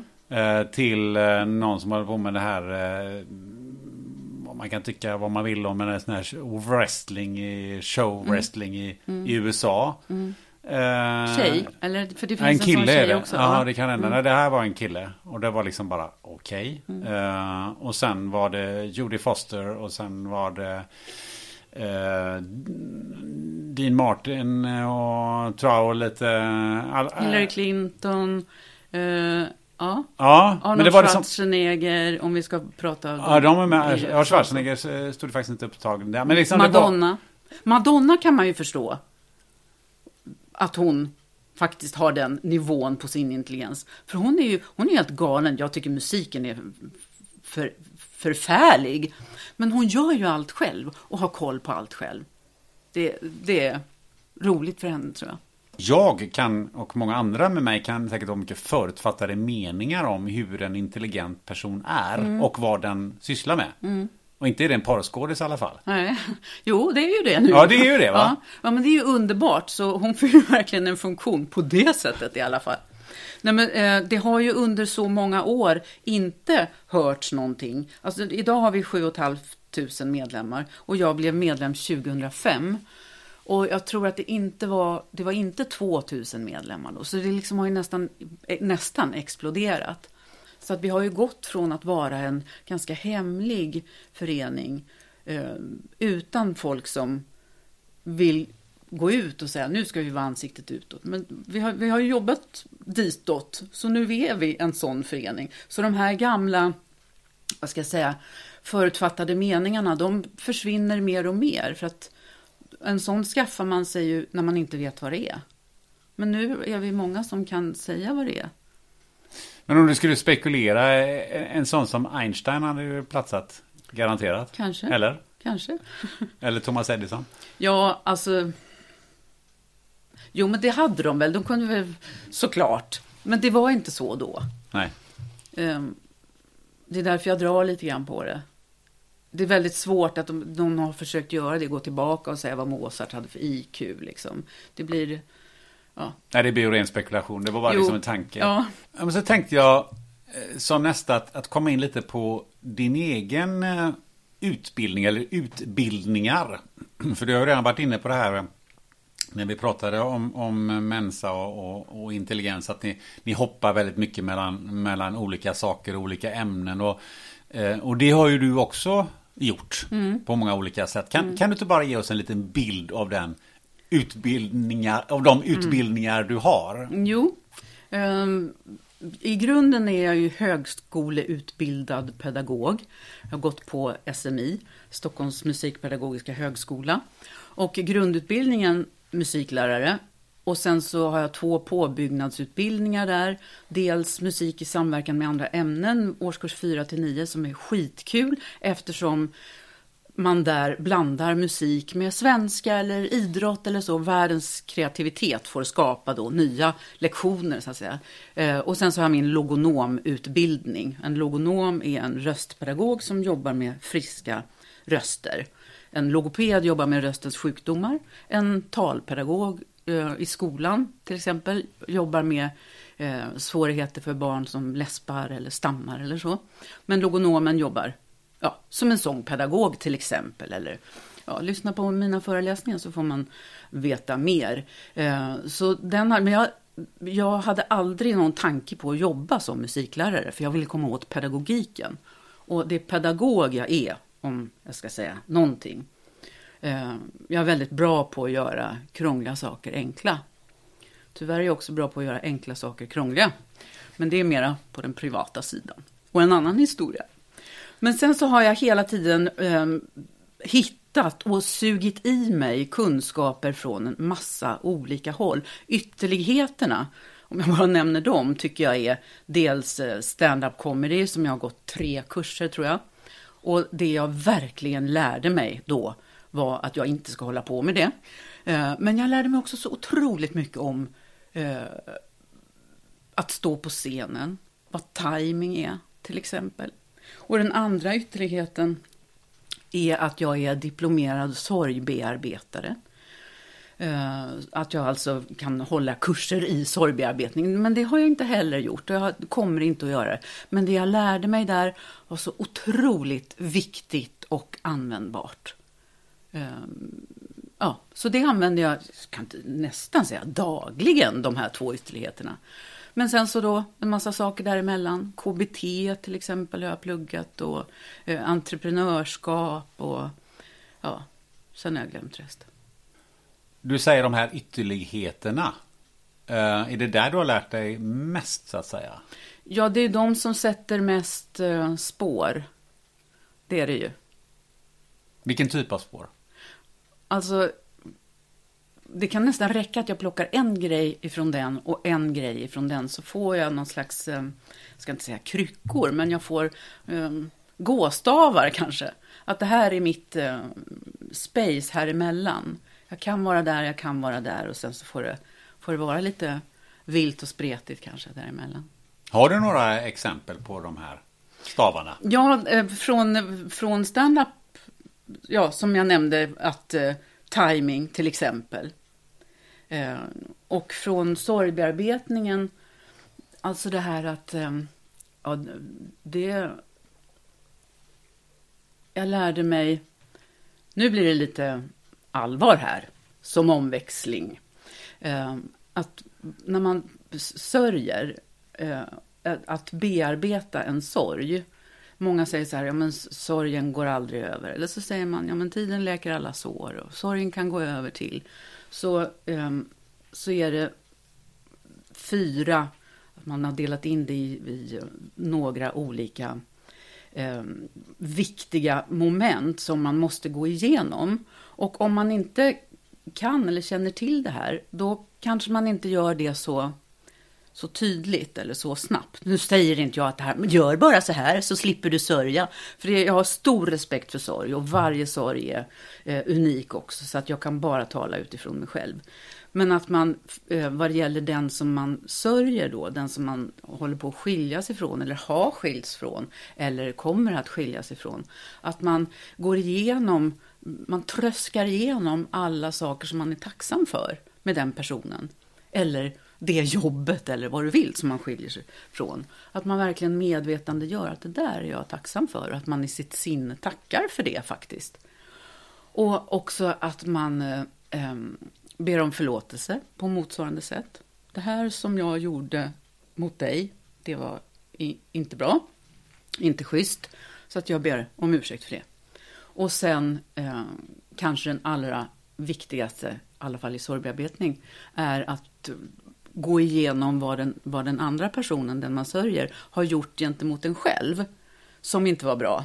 Det är inte direkt det man tänker om, när det är någon man sörjer, att hör du, det där var, det där var jävligt taskigt mot mig. Men att man, eh, man förlåter det.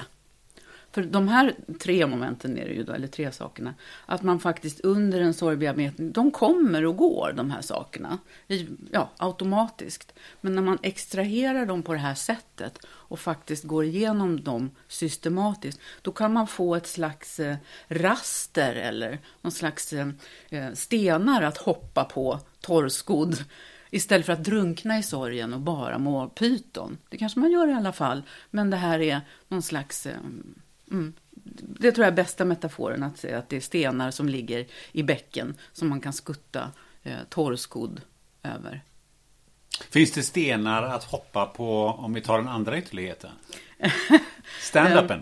jo, det är klart det gör. Det är väldigt, väldigt lätt att dratta i.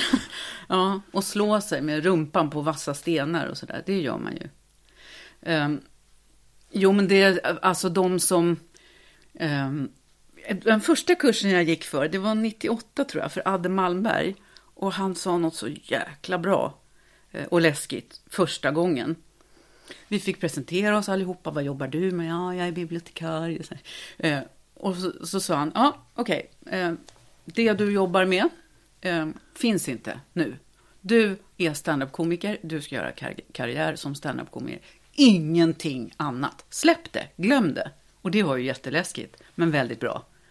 För man säger, ja, jag vill kunna ha nytta av det här i mitt jobb. För ja, folk säger ibland att jag är rolig då. Så att jag tänkte liksom utveckla den ådran. Det blir, jaha, då vågar man ju inte. Då är man ju inte sårbar som man är med en mikrofon och en publik.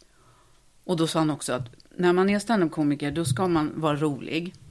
Och man ska inte bara vara rolig, man ska vara jävligt rolig. Och man ska vara det hela förbannade tiden. Ja, ah, okej, okay. ja men det låter som ett yrke för mig. men där kom jag dit jag ville i alla fall. Mitt mål då var att få till en sån här tre minuters eh, vad det nu heter, det heter någonting som jag har glömt, eh, som jag jobbade fram och som jag framförde på en mensafest var det faktiskt eh, och fick jättebra respons. Och då var jag nöjd. Det har jag gjort nu. Så behöver jag inte göra det mer. Det var, det var det som var målet. Sen ja. är det, du, stand-up komiker blir du inte. Nej, men jag lärde mig som sagt en massa. Och sen har jag gått mycket improvisationsteater. Och den läskigaste kursen som var, det var ju givetvis improviserad musikal. Så då har man en pianist och så är det gruppen och så... Det är skitläskigt! Och så har man någon scen så här och så den som brister ut i sång brister ut i sång och pianisten, hon var skitduktig, bara haka på. Och så, ja, man bara leker i det. Och med impro är det så jäkla roligt för att man fattar ingenting. Man liksom skjuter sitt förstånd framför sig på något sätt så att man är hela tiden i, i tomma intet. Och sen först efteråt, jaha, var det det där vi gjorde? Och det var också mitt mål att, att eh, eh, göra ett sånt framträdande för publik. För det gjorde vi efter kurserna. Ja, den här lördagen så får vi bjuder in allihopa. Så det var en ganska stor publik. Och jag och en kille, vi skulle köra duett. Och det enda eh, vi fick veta var eh, vilken genre det skulle vara. Om det skulle vara dansband eller om det skulle vara opera eller om det skulle vara ja, eh, slager. Ehm, men sen titeln på låtarna den fick publiken stoppa, skriva på lappar och stoppa i en burk. Eh, så att när jag och han kom fram då, ehm, ja, där är publiken och vi har ingen aning. Ja, ni ska sjunga en låt som heter ehm, Nej, nej, jag vet inte vad jag ska göra nu. Bra låttext. Mm, det ska den heta. Och det ska vara genre, annan burk, eh, slager. Ja. Okay. Och så började hon då med ett intro, liksom, slagerintro. Och då var det bara att börja sjunga. Jag hade lång satängklänning och boa. Och bara började så här, och ingen aning om vad jag gör. Men det är bara att göra. Då lärde jag mig också jävligt mycket. Då lärde jag mig, ja, om du sa en grej där och en grej där. Um, sa jag den, vad jag lärde mig där? Nej, det, va? Du lärde dig de här tre? Ja, från impron har jag lärt mig att eh, det som jag beskrev så bra nu, eftersom jag inte har gjort det förut, så blev det en bra bild att, att eh, man puttar sitt förstånd framför sig. Och så är det, eh, det är en tillgång när jag föreläser. För att jag vet inte hur det kommer att bli. Jag puttar mitt förstånd framför mig och litar på min kapacitet. Och då, då brukar det bli bra. Jag kan hålla med om det. Jag har faktiskt gått några improkurser ah, själv. Mm. Uh, och jag tycker en sak som du sa uh, som jag tycker var så himla bra. Uh, det, det är att det är ingen som bryr sig om var du bor vad du jobbar med eh, och massa annan bakgrund. Ja. För det var ingen som ställde den frågan. Nej. Det blev nollställt. Ja, så är det i Mensa. Det är fullständigt ointressant. Vad jobbar du med då? Det är typiskt en vanlig fråga. Ja. Det första man frågar mm. när man eh, träffas på någon mm. mingel eller något ja, sånt där. Men precis i impro också. Jag kommer ihåg det har nog varit så i varenda eh, sån kurs. Att, ja, varför? Här är vi. Här är vi. Eh, och jag tänkte glida in på eh, det här med att tala och det som du pratade om att logonom heter det. Mm, mm. Ja. Vilka yttre faktorer påverkar min röst och hur, hur jag låter? Alltså jag, tänk, jag tänker på vädret eller eh, luftfuktigheten eller eh, hur mycket oväsen det är runt omkring mig och sådär. Vad, vad, vad, är liksom vad är det som påverkar min, min röst mest utifrån de faktorerna? Um, det är din medvetenhet om din egen röst skulle jag säga. För att de sakerna du nämnde nu, de är ju omedvetna. Och så kanske man, ja men om vi står här vid, vid trafik, vid, ja, mitt i all trafik här så måste man ju prata så här. Eller om man har en grupp framför sig, hör ni mig där längst bak? Eh, så då tänker man ju inte på sådana saker. Men om man är medveten om det eh, och vet hur man ska göra, då blir de här störande faktorerna så otroligt mycket mindre störande. Hur, hur mycket påverkas jag eh, utav hur jag mår inuti min röst? Ja, eh, det vet jag inte hur det är för dig, men för mig är, alltså om jag mår dåligt, då är rösten en mycket bättre mätare än en termometer. Liksom. Eh, men det är väl, ja, självklart eftersom det ena är fysiskt och det andra är psykiskt. Men jag kan helt klart höra på min röst om, om jag börjar må lite dåligt i själen. Hur då? Då låter jag mera, mera så här. Att jag inte liksom har så mycket kraft. Och så har jag inte heller... Um, jag drar mer på saker och andas kanske inte riktigt lika bra. Och uh, um, ja, det här är också väldigt, att det blir mycket uh, uh, uh, så, tror jag. Men framför allt på den här klangen. Att jag hör, när det blir riktigt illa, då blir det så här. Och då kan jag liksom, fan! Jag ska iväg och föreläsa nu, eller jag ska bli intervjuad, vad ska jag göra? Och då måste jag, oj, oj, ja men där var jag ju. Och så liksom kan jag komma tillbaka till min fullvärdiga röst, eller man ska säga. Men kan, du kan höra på andra hur de mår? Nej, det kan jag ju inte, för jag vet inte vad andra har för referenspunkter. De jag känner väl kan jag höra det på, tror jag. Eller jag kan gissa, så får jag säga. Men hur, hur gör du själv då för att... Jag mår jättedåligt, men jag ska leverera här på scen. Mm, ja, då gör jag ju lite sån här... Eh, jag tycker inte jag behöver göra särskilt mycket, men det kanske andra logonomer säger att det där är inte sant. Men att jag gör det som jag visade nyss, att jag faktiskt eh, A och O tar tag i mina magmuskler. Det är A och O.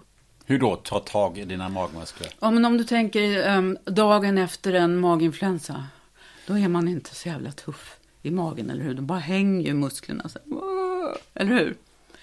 Och då, om man tar motsatsen till det och bara faktiskt börjar aktivera magmuskler. Om jag bara spänner mina magmuskler nu, då blir det en helt annan sak i min röst. Och så slappnar jag av magmusklerna och då blir det det här, det kommer inte upp tillräckligt med eh, lufttrycket blir inte tillräckligt stark upp genom stämbanden.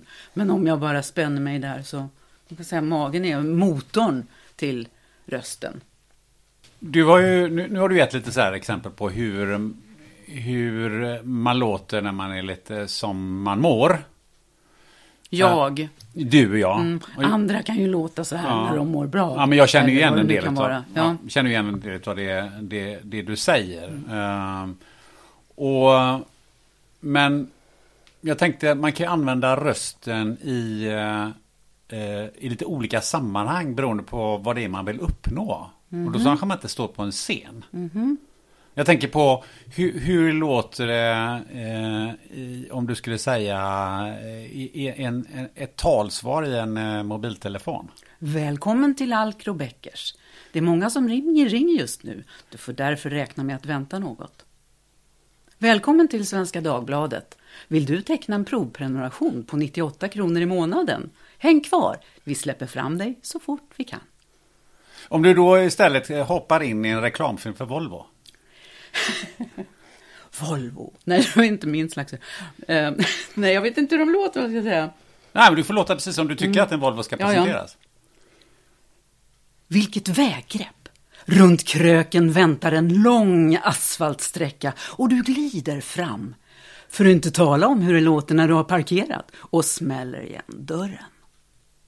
Om du då istället eh, hjälper någon att hitta eh, på kartan, någon kommer fram till dig eh, på, på stan och ber dig, du, eh, hur ska jag hitta till... Eh, Välkommen till kartvisaren. Nej, det säger jag inte. Nej, du står personligen med ja, ja, precis.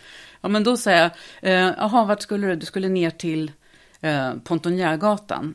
Ja, men då går du, om du svänger vänster här, som du ser, och sen så ser du höger Sankt Eriksgatan. Gå runt det hörnet och sen så följer du den ända till den nästan tar slut. Om vi då tar en eh, lite mer extrem situation. Du kommer ut från krogen och så ser en person stå och pissa på din bil. Vad i helvete! Fan vad äcklig du är! Lägg av! Uh! Och så tänkte jag avsluta med, med eh, vad jag har förstått i ditt paradnummer. Hans Vilnius. Året i 1945. På Bromma flygplats låder en febril aktivitet. Den unge trafikassistenten, han är bara 15 år, han väntar snart på telefonsamtalet från den kvinna som ska bli hans för alltid.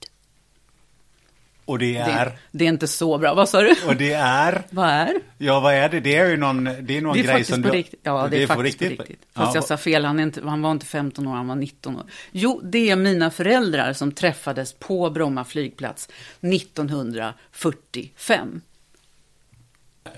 Det här får mig... Den kan man lyssna på på min hemsida under fliken röst. Då kan man lyssna på den här lilla betraktelsen. Precis, det var så jag fick lite ja. tankar se hur du kan använda rösten. Men eh, om, vi, om vi går lite till eh, hur andra använder rösten. Har du, gör du sådana reflektioner, till exempel hur politiker mm.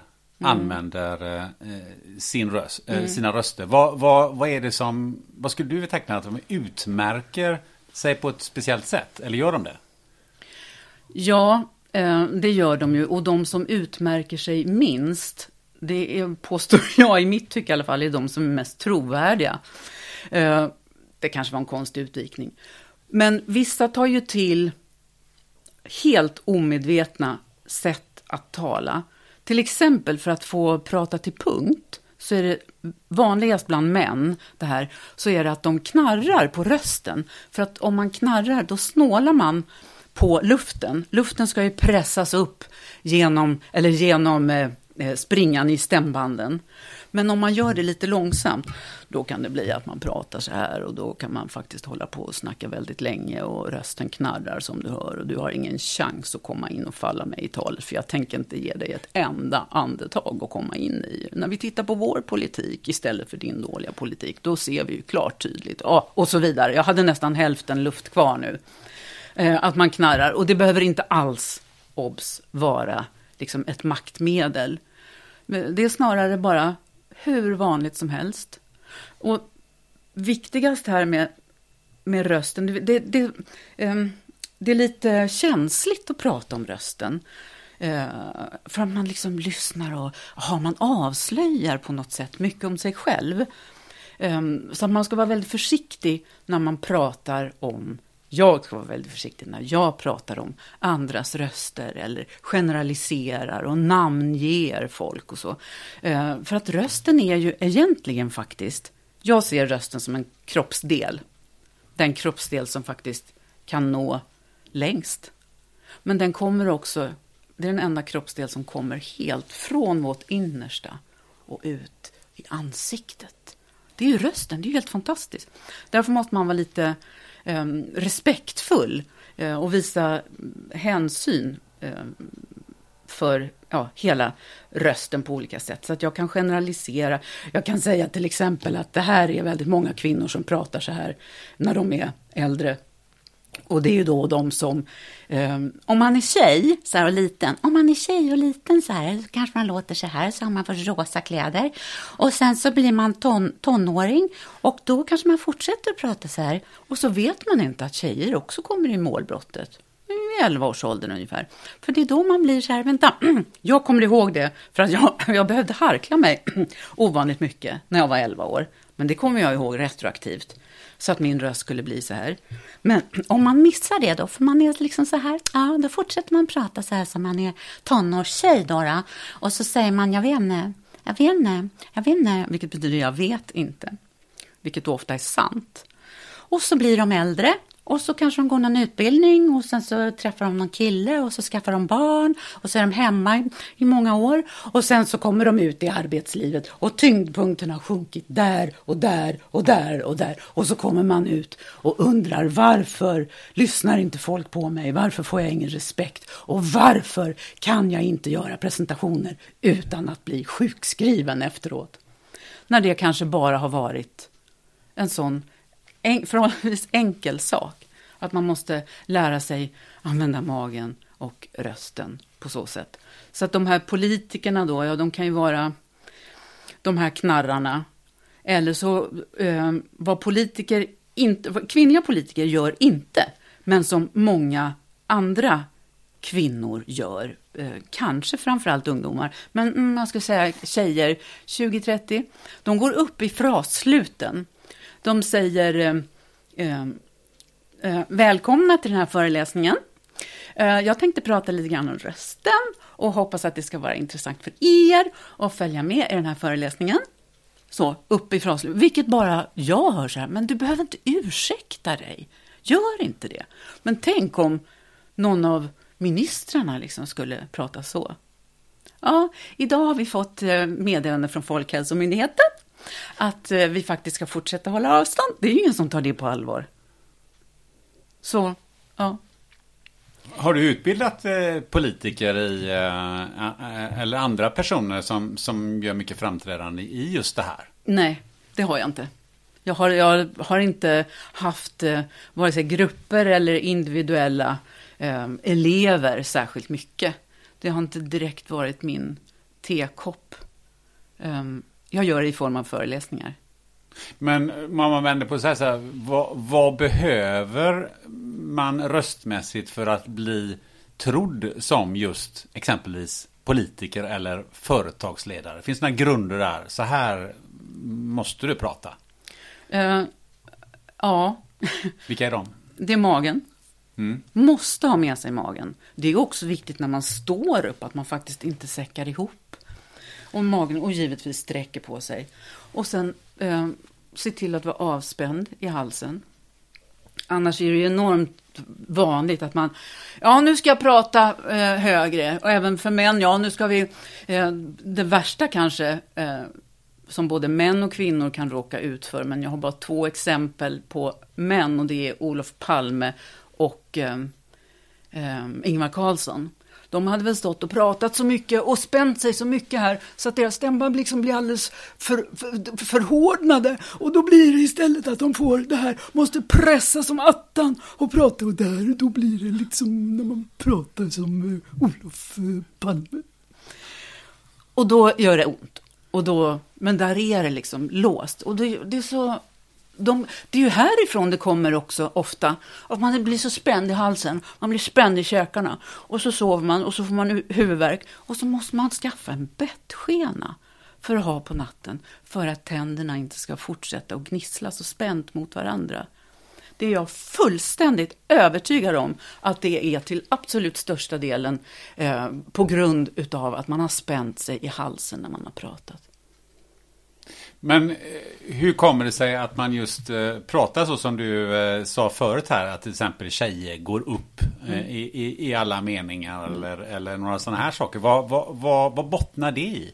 Alltså en sån grej bottnar ju givetvis, säger jag, i osäkerhet. Att om jag säger tack så hemskt mycket för den här middagen, så, så öppnar jag ju för att den kanske inte alls var så god den här middagen. Man på något sätt ursäktar sig. Men om jag säger tack för den här middagen, vad fan är du? Vad säger du? Ja, det är intressant det där. Men eh, om vi säger att man, när man ska tala så ska man också komma ihåg mm. vad det är man ska säga. Mm.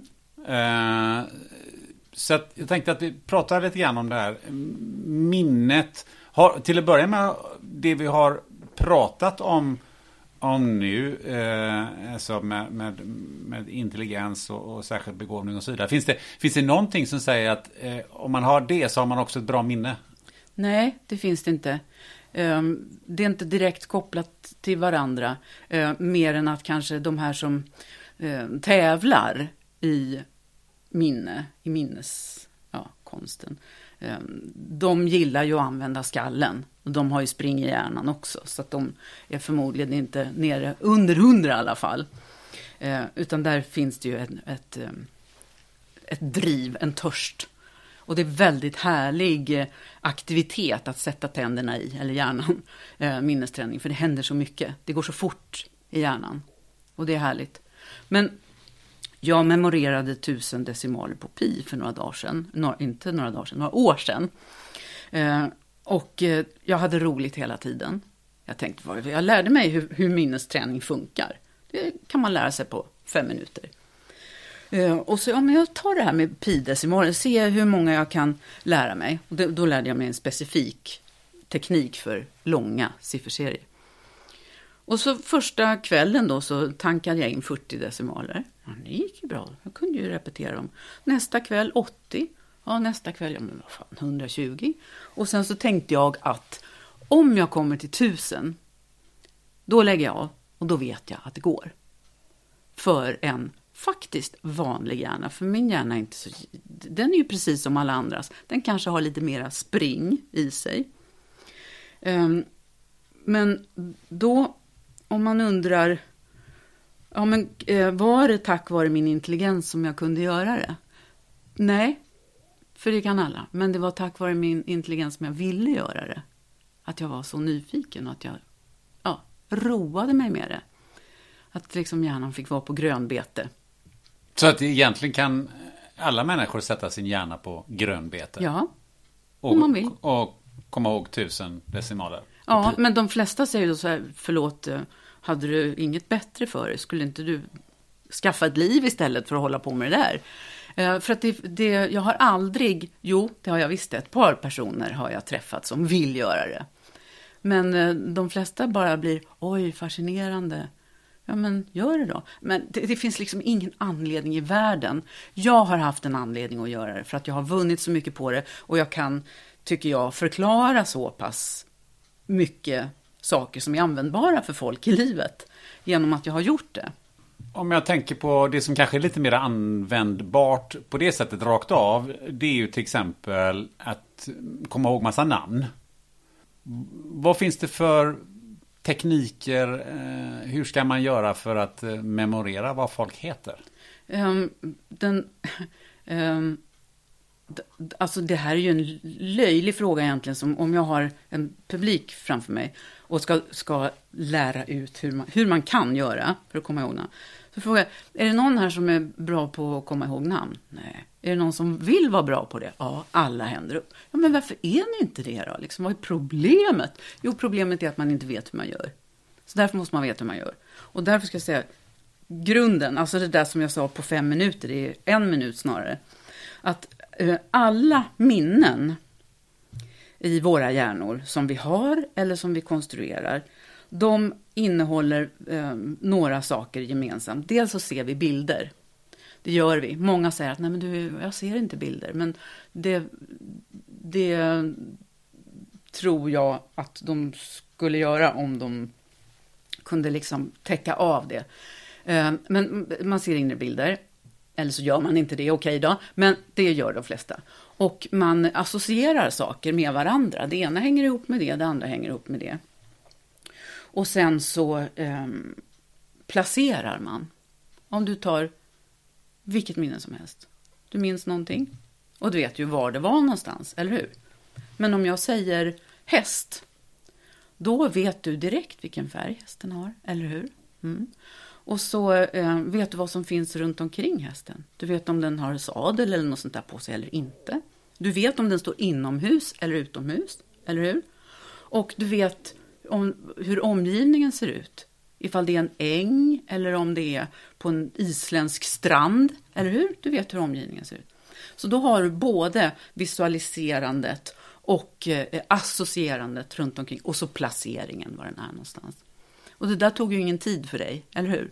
Och den fjärde grejen som är jättebra för minnet, det är att man använder sina sinnen. Så kanske att du kände doften av den där hästen när du såg bilden, eller hur? I alla fall om du placerar dig där, då känner du också ifall det blåser någon ljum vind på, i ditt ansikte eller ja, alla sinnen. Syn, hörsel, känsel, lukt och smak. Så det är de grejerna man behöver veta. Visualisera, associera, placera och så sinnena.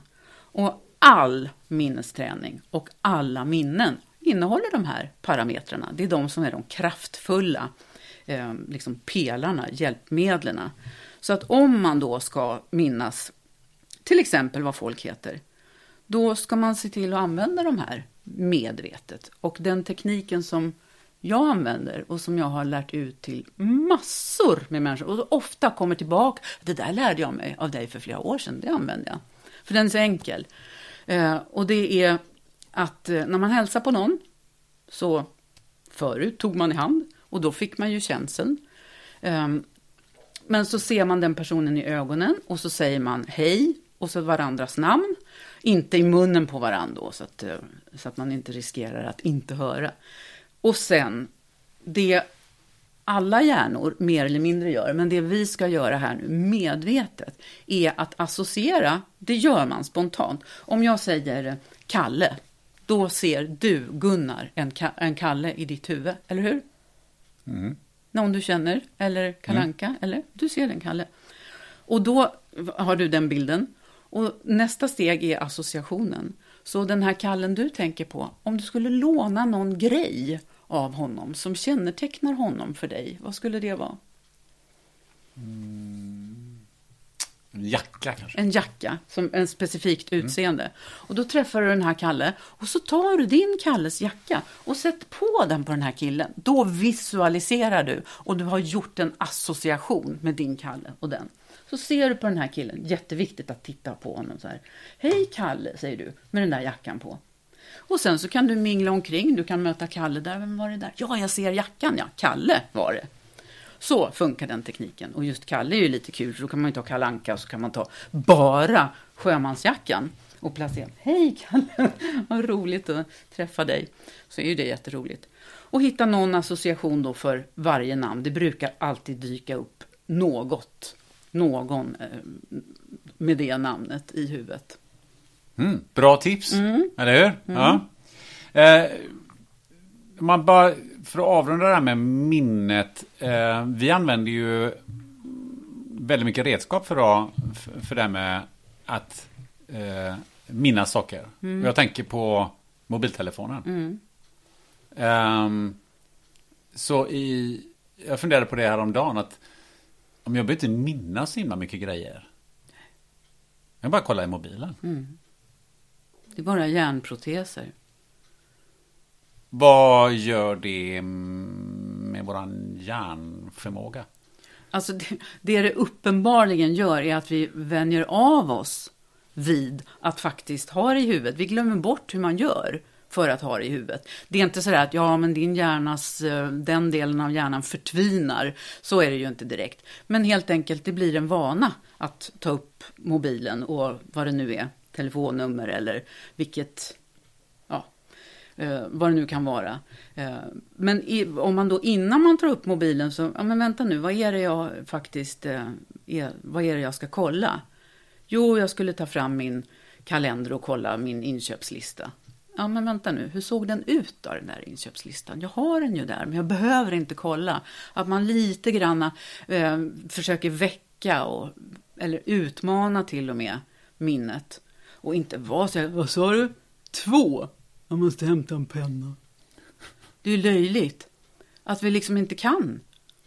Och jag ser när jag står på i postluckan i affären. Man har fått en, en fyrsiffrig Um, inte kod, men fyra siffror för att hämta sitt paket. Ja, men hur svårt kan det vara? Och de tre framför mig. Ja, vänta, jag har 23, 22 här är det.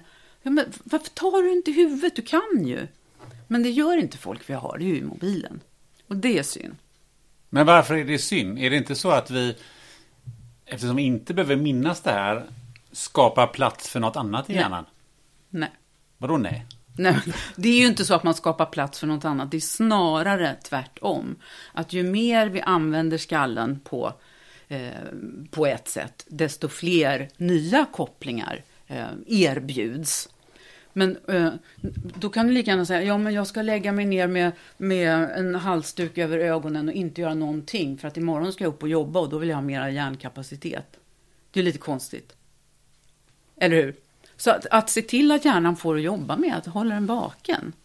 Det, det är inte så att, nej, jag, jag, ska, jag måste lösgöra. Det är inte så, det, det blir så att man drar en parallell till ett dataminne eller mm. bandbredd. Ja. Men hjärnan funkar inte på det sättet. Nej, den funkar på, alltså, man har ju försökt att jämföra datorer och hjärnor länge. Men det är på något sätt att eh, jag kan inte beskriva det, för jag kan inte de här termerna direkt för datorn med processorhastighet och bla bla bla. Men det blir lite äpplen och päron, för det som datorn är blixtsnabb på kan hjärnan vara ganska långsam på. Eh, huvudräkning, eller vad du vill.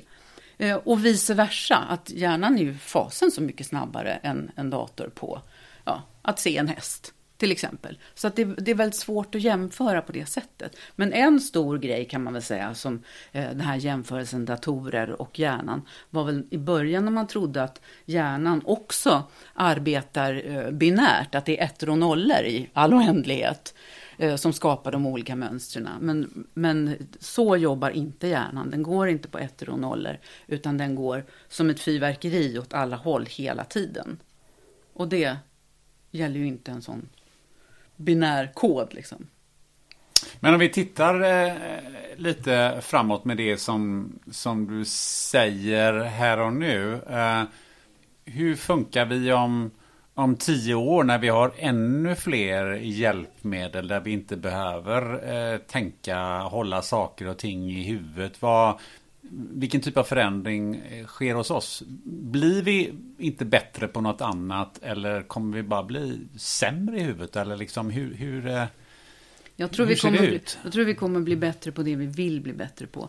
Men man kan säga när det kommer nya saker, eh, därför är det lite svårt att säga hur det blir om tio år, det kanske är om ett år eller en månad. Men när det kommer nya saker så brukar det ju börja med eh, lek. Att kolla vad häftigt, det här kan man eh, göra med den här datorn, den kan man göra si och så putta den då och så måste man hoppa över till den där. Ja men det här är ju bara lek. Ja, men det är ju förstadiet till eh, att eh, man står med eh, en, en hologrambild som är eh, en röntgenavbild. Och så kan läkarna direkt se att här i, i tredimensionellt ljus liksom, i rummet som har börjat med lek. För det är ju så man kommer framåt. Och sen så småningom så kan det ju gå till stadiet eh, missbruk. Att man använder den här tekniken för att eh, spränga ett bankvalv eller vad fasen som helst. Eh, att man går in med en, en cyberattack eller någonting. Och sen tror jag att stadiet efter det, vilket jag kanske inte tror, utan det syns ju på många sätt, är att när vi börjar använda det eh, på ett bra sätt gentemot varandra bra avrundning, att vi ska använda saker och ting på ett bra sätt mot varandra. Mm. Um, innan vi slutar helt så måste vi faktiskt um, prata om var vi har suttit här nu i mm. två timmar ja. och snackat. Kan du inte bara berätta kort, var, var befinner vi oss just nu? Vi befinner oss i en konstnärsateljé på Kungsholmen i Stockholm. Konstnären heter Mats Åkerman och är min man. Och det var han som föreslog att du och jag skulle ses här, för då får vi vara lite i fred.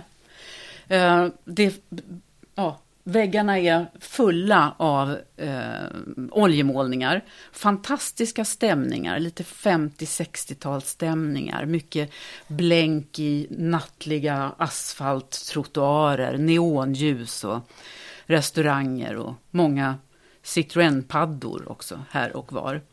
Men det som är lite ovanligt med vad just den här konstnären gör är att han har skapat en alldeles egen värld. Han skapade den när han var liten och det finns en karta kvar från när han var 11 år. Den är totalt nördig. Man tycker, man, nej men stackars pojke, har du suttit och gjort det här? Redan då älskade han att göra kartor, så det var inte ett dugg synd om honom. Men nu har han skapat en värld som heter Svagiska unionen. Och han har eh, noggrant ritade kartor som ser ut precis som vilka kartor som helst. Över hela landet, alla delar i landet och så över eh, eh, staden Eh, alla eh, gator och sevärdheter. Och han har full koll på varenda adress, varenda torg. Och oljemålningarna, de kan man sätta dit en knappnål. Att den här restaurangen, den ligger i den här gatukorsningen. Precis alltihopa har han örnkoll på.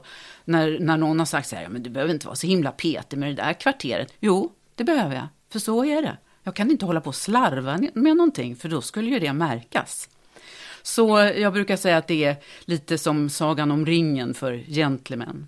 Och tittar man på målningarna känner man igen spårvagnarna och typen av hus och gatlyktorna. Och eh, där kan man väl säga att många känner igen sig, men ingen har varit där. Inte mer än Mats. Och hans grejer finns på www.konstnar.se, den prickfria konstnären.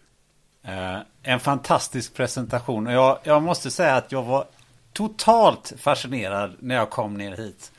Uh, aldrig sett något, något liknande. Och uh, jag, jag, jag, kan bara instämma i uh, det du säger. Och det som slår mig är ju att uh, det här kanske blir ett, ett dataspel ja, framöver. Det är många som har sagt faktiskt. Men ja. det är ju så långt ifrån Mats förmåga man kan komma. Så då får någon annan göra det. Ja, det förstår jag. Nej, men det är otroligt fascinerande. Och det är nog den absolut bäst, eh, mest fascinerande inspelningsmiljö eh, när det gäller den här podden mm. som jag har varit med om. I särklass. Det där mm. kommer att bli svårslaget. Ja. Det är helt klart så. Eh, men nu ska vi tillbaka till, ehm, till dig. För dels så ska vi prata den, den obligatoriska frågan. Vem skulle du vilja se och lyssna på i den här podden? Mats Åkerman. Mats Åkerman, ja. ja. Um, Nej, men det skulle ju vara kul såklart. Eh, han är rolig att lyssna på också. Eh, men sen har jag en annan bekant, eh, kompis, vän som heter Monica Orski. Hon är otroligt fascinerande människa till att börja med. Hon är också mensatjej.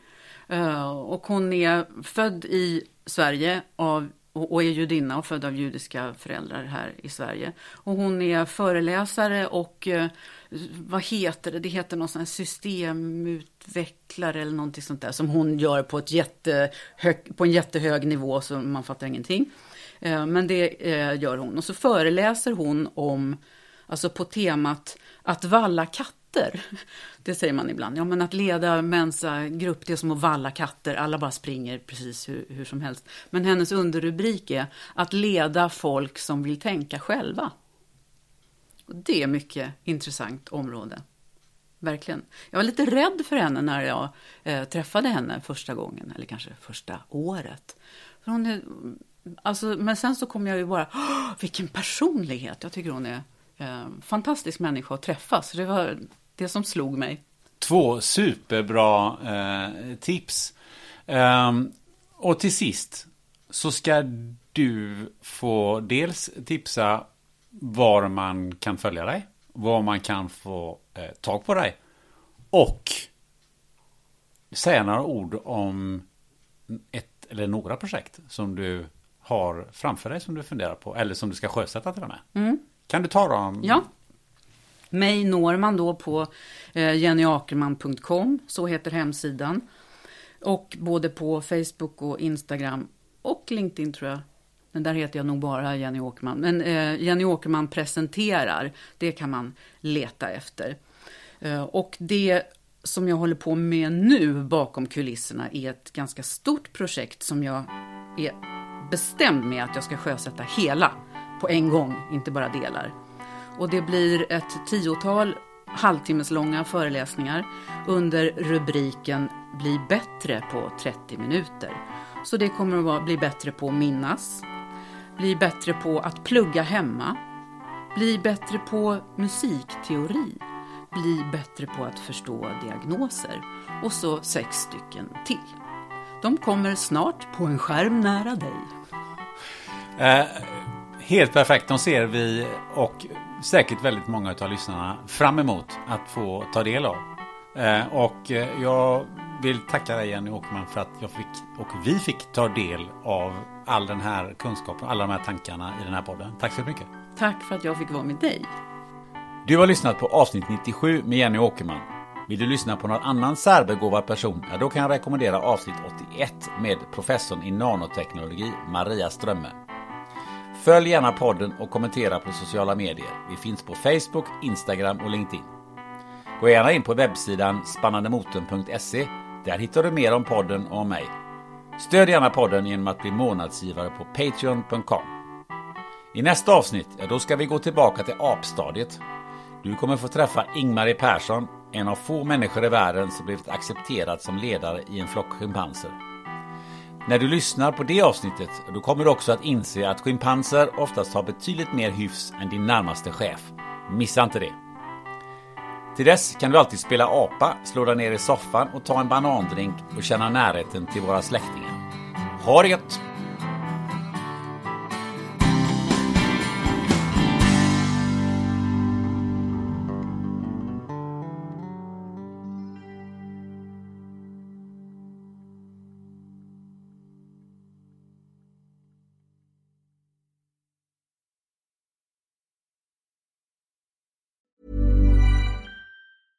Ever catch yourself eating the same flavorless dinner three days in a row? Dreaming of something better? Well, HelloFresh is your guilt-free dream come true, baby. It's me, Gigi Palmer.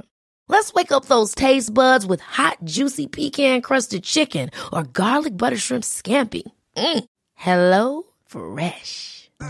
Stop dreaming of all the delicious possibilities and dig in at HelloFresh.com. Let's get this dinner party started. Planning for your next trip? Elevate your travel style with Quince. Quince has all the jet setting essentials you'll want for your next getaway, like European linen, premium luggage options, buttery soft Italian leather bags, and so much more. And is all priced at 50 to 80% less than similar brands. Plus, Quince only works with factories that use safe and ethical manufacturing practices. Pack your bags with high-quality essentials you'll be wearing for vacations to come with Quince. Go to quince.com slash pack for free shipping and 365-day returns.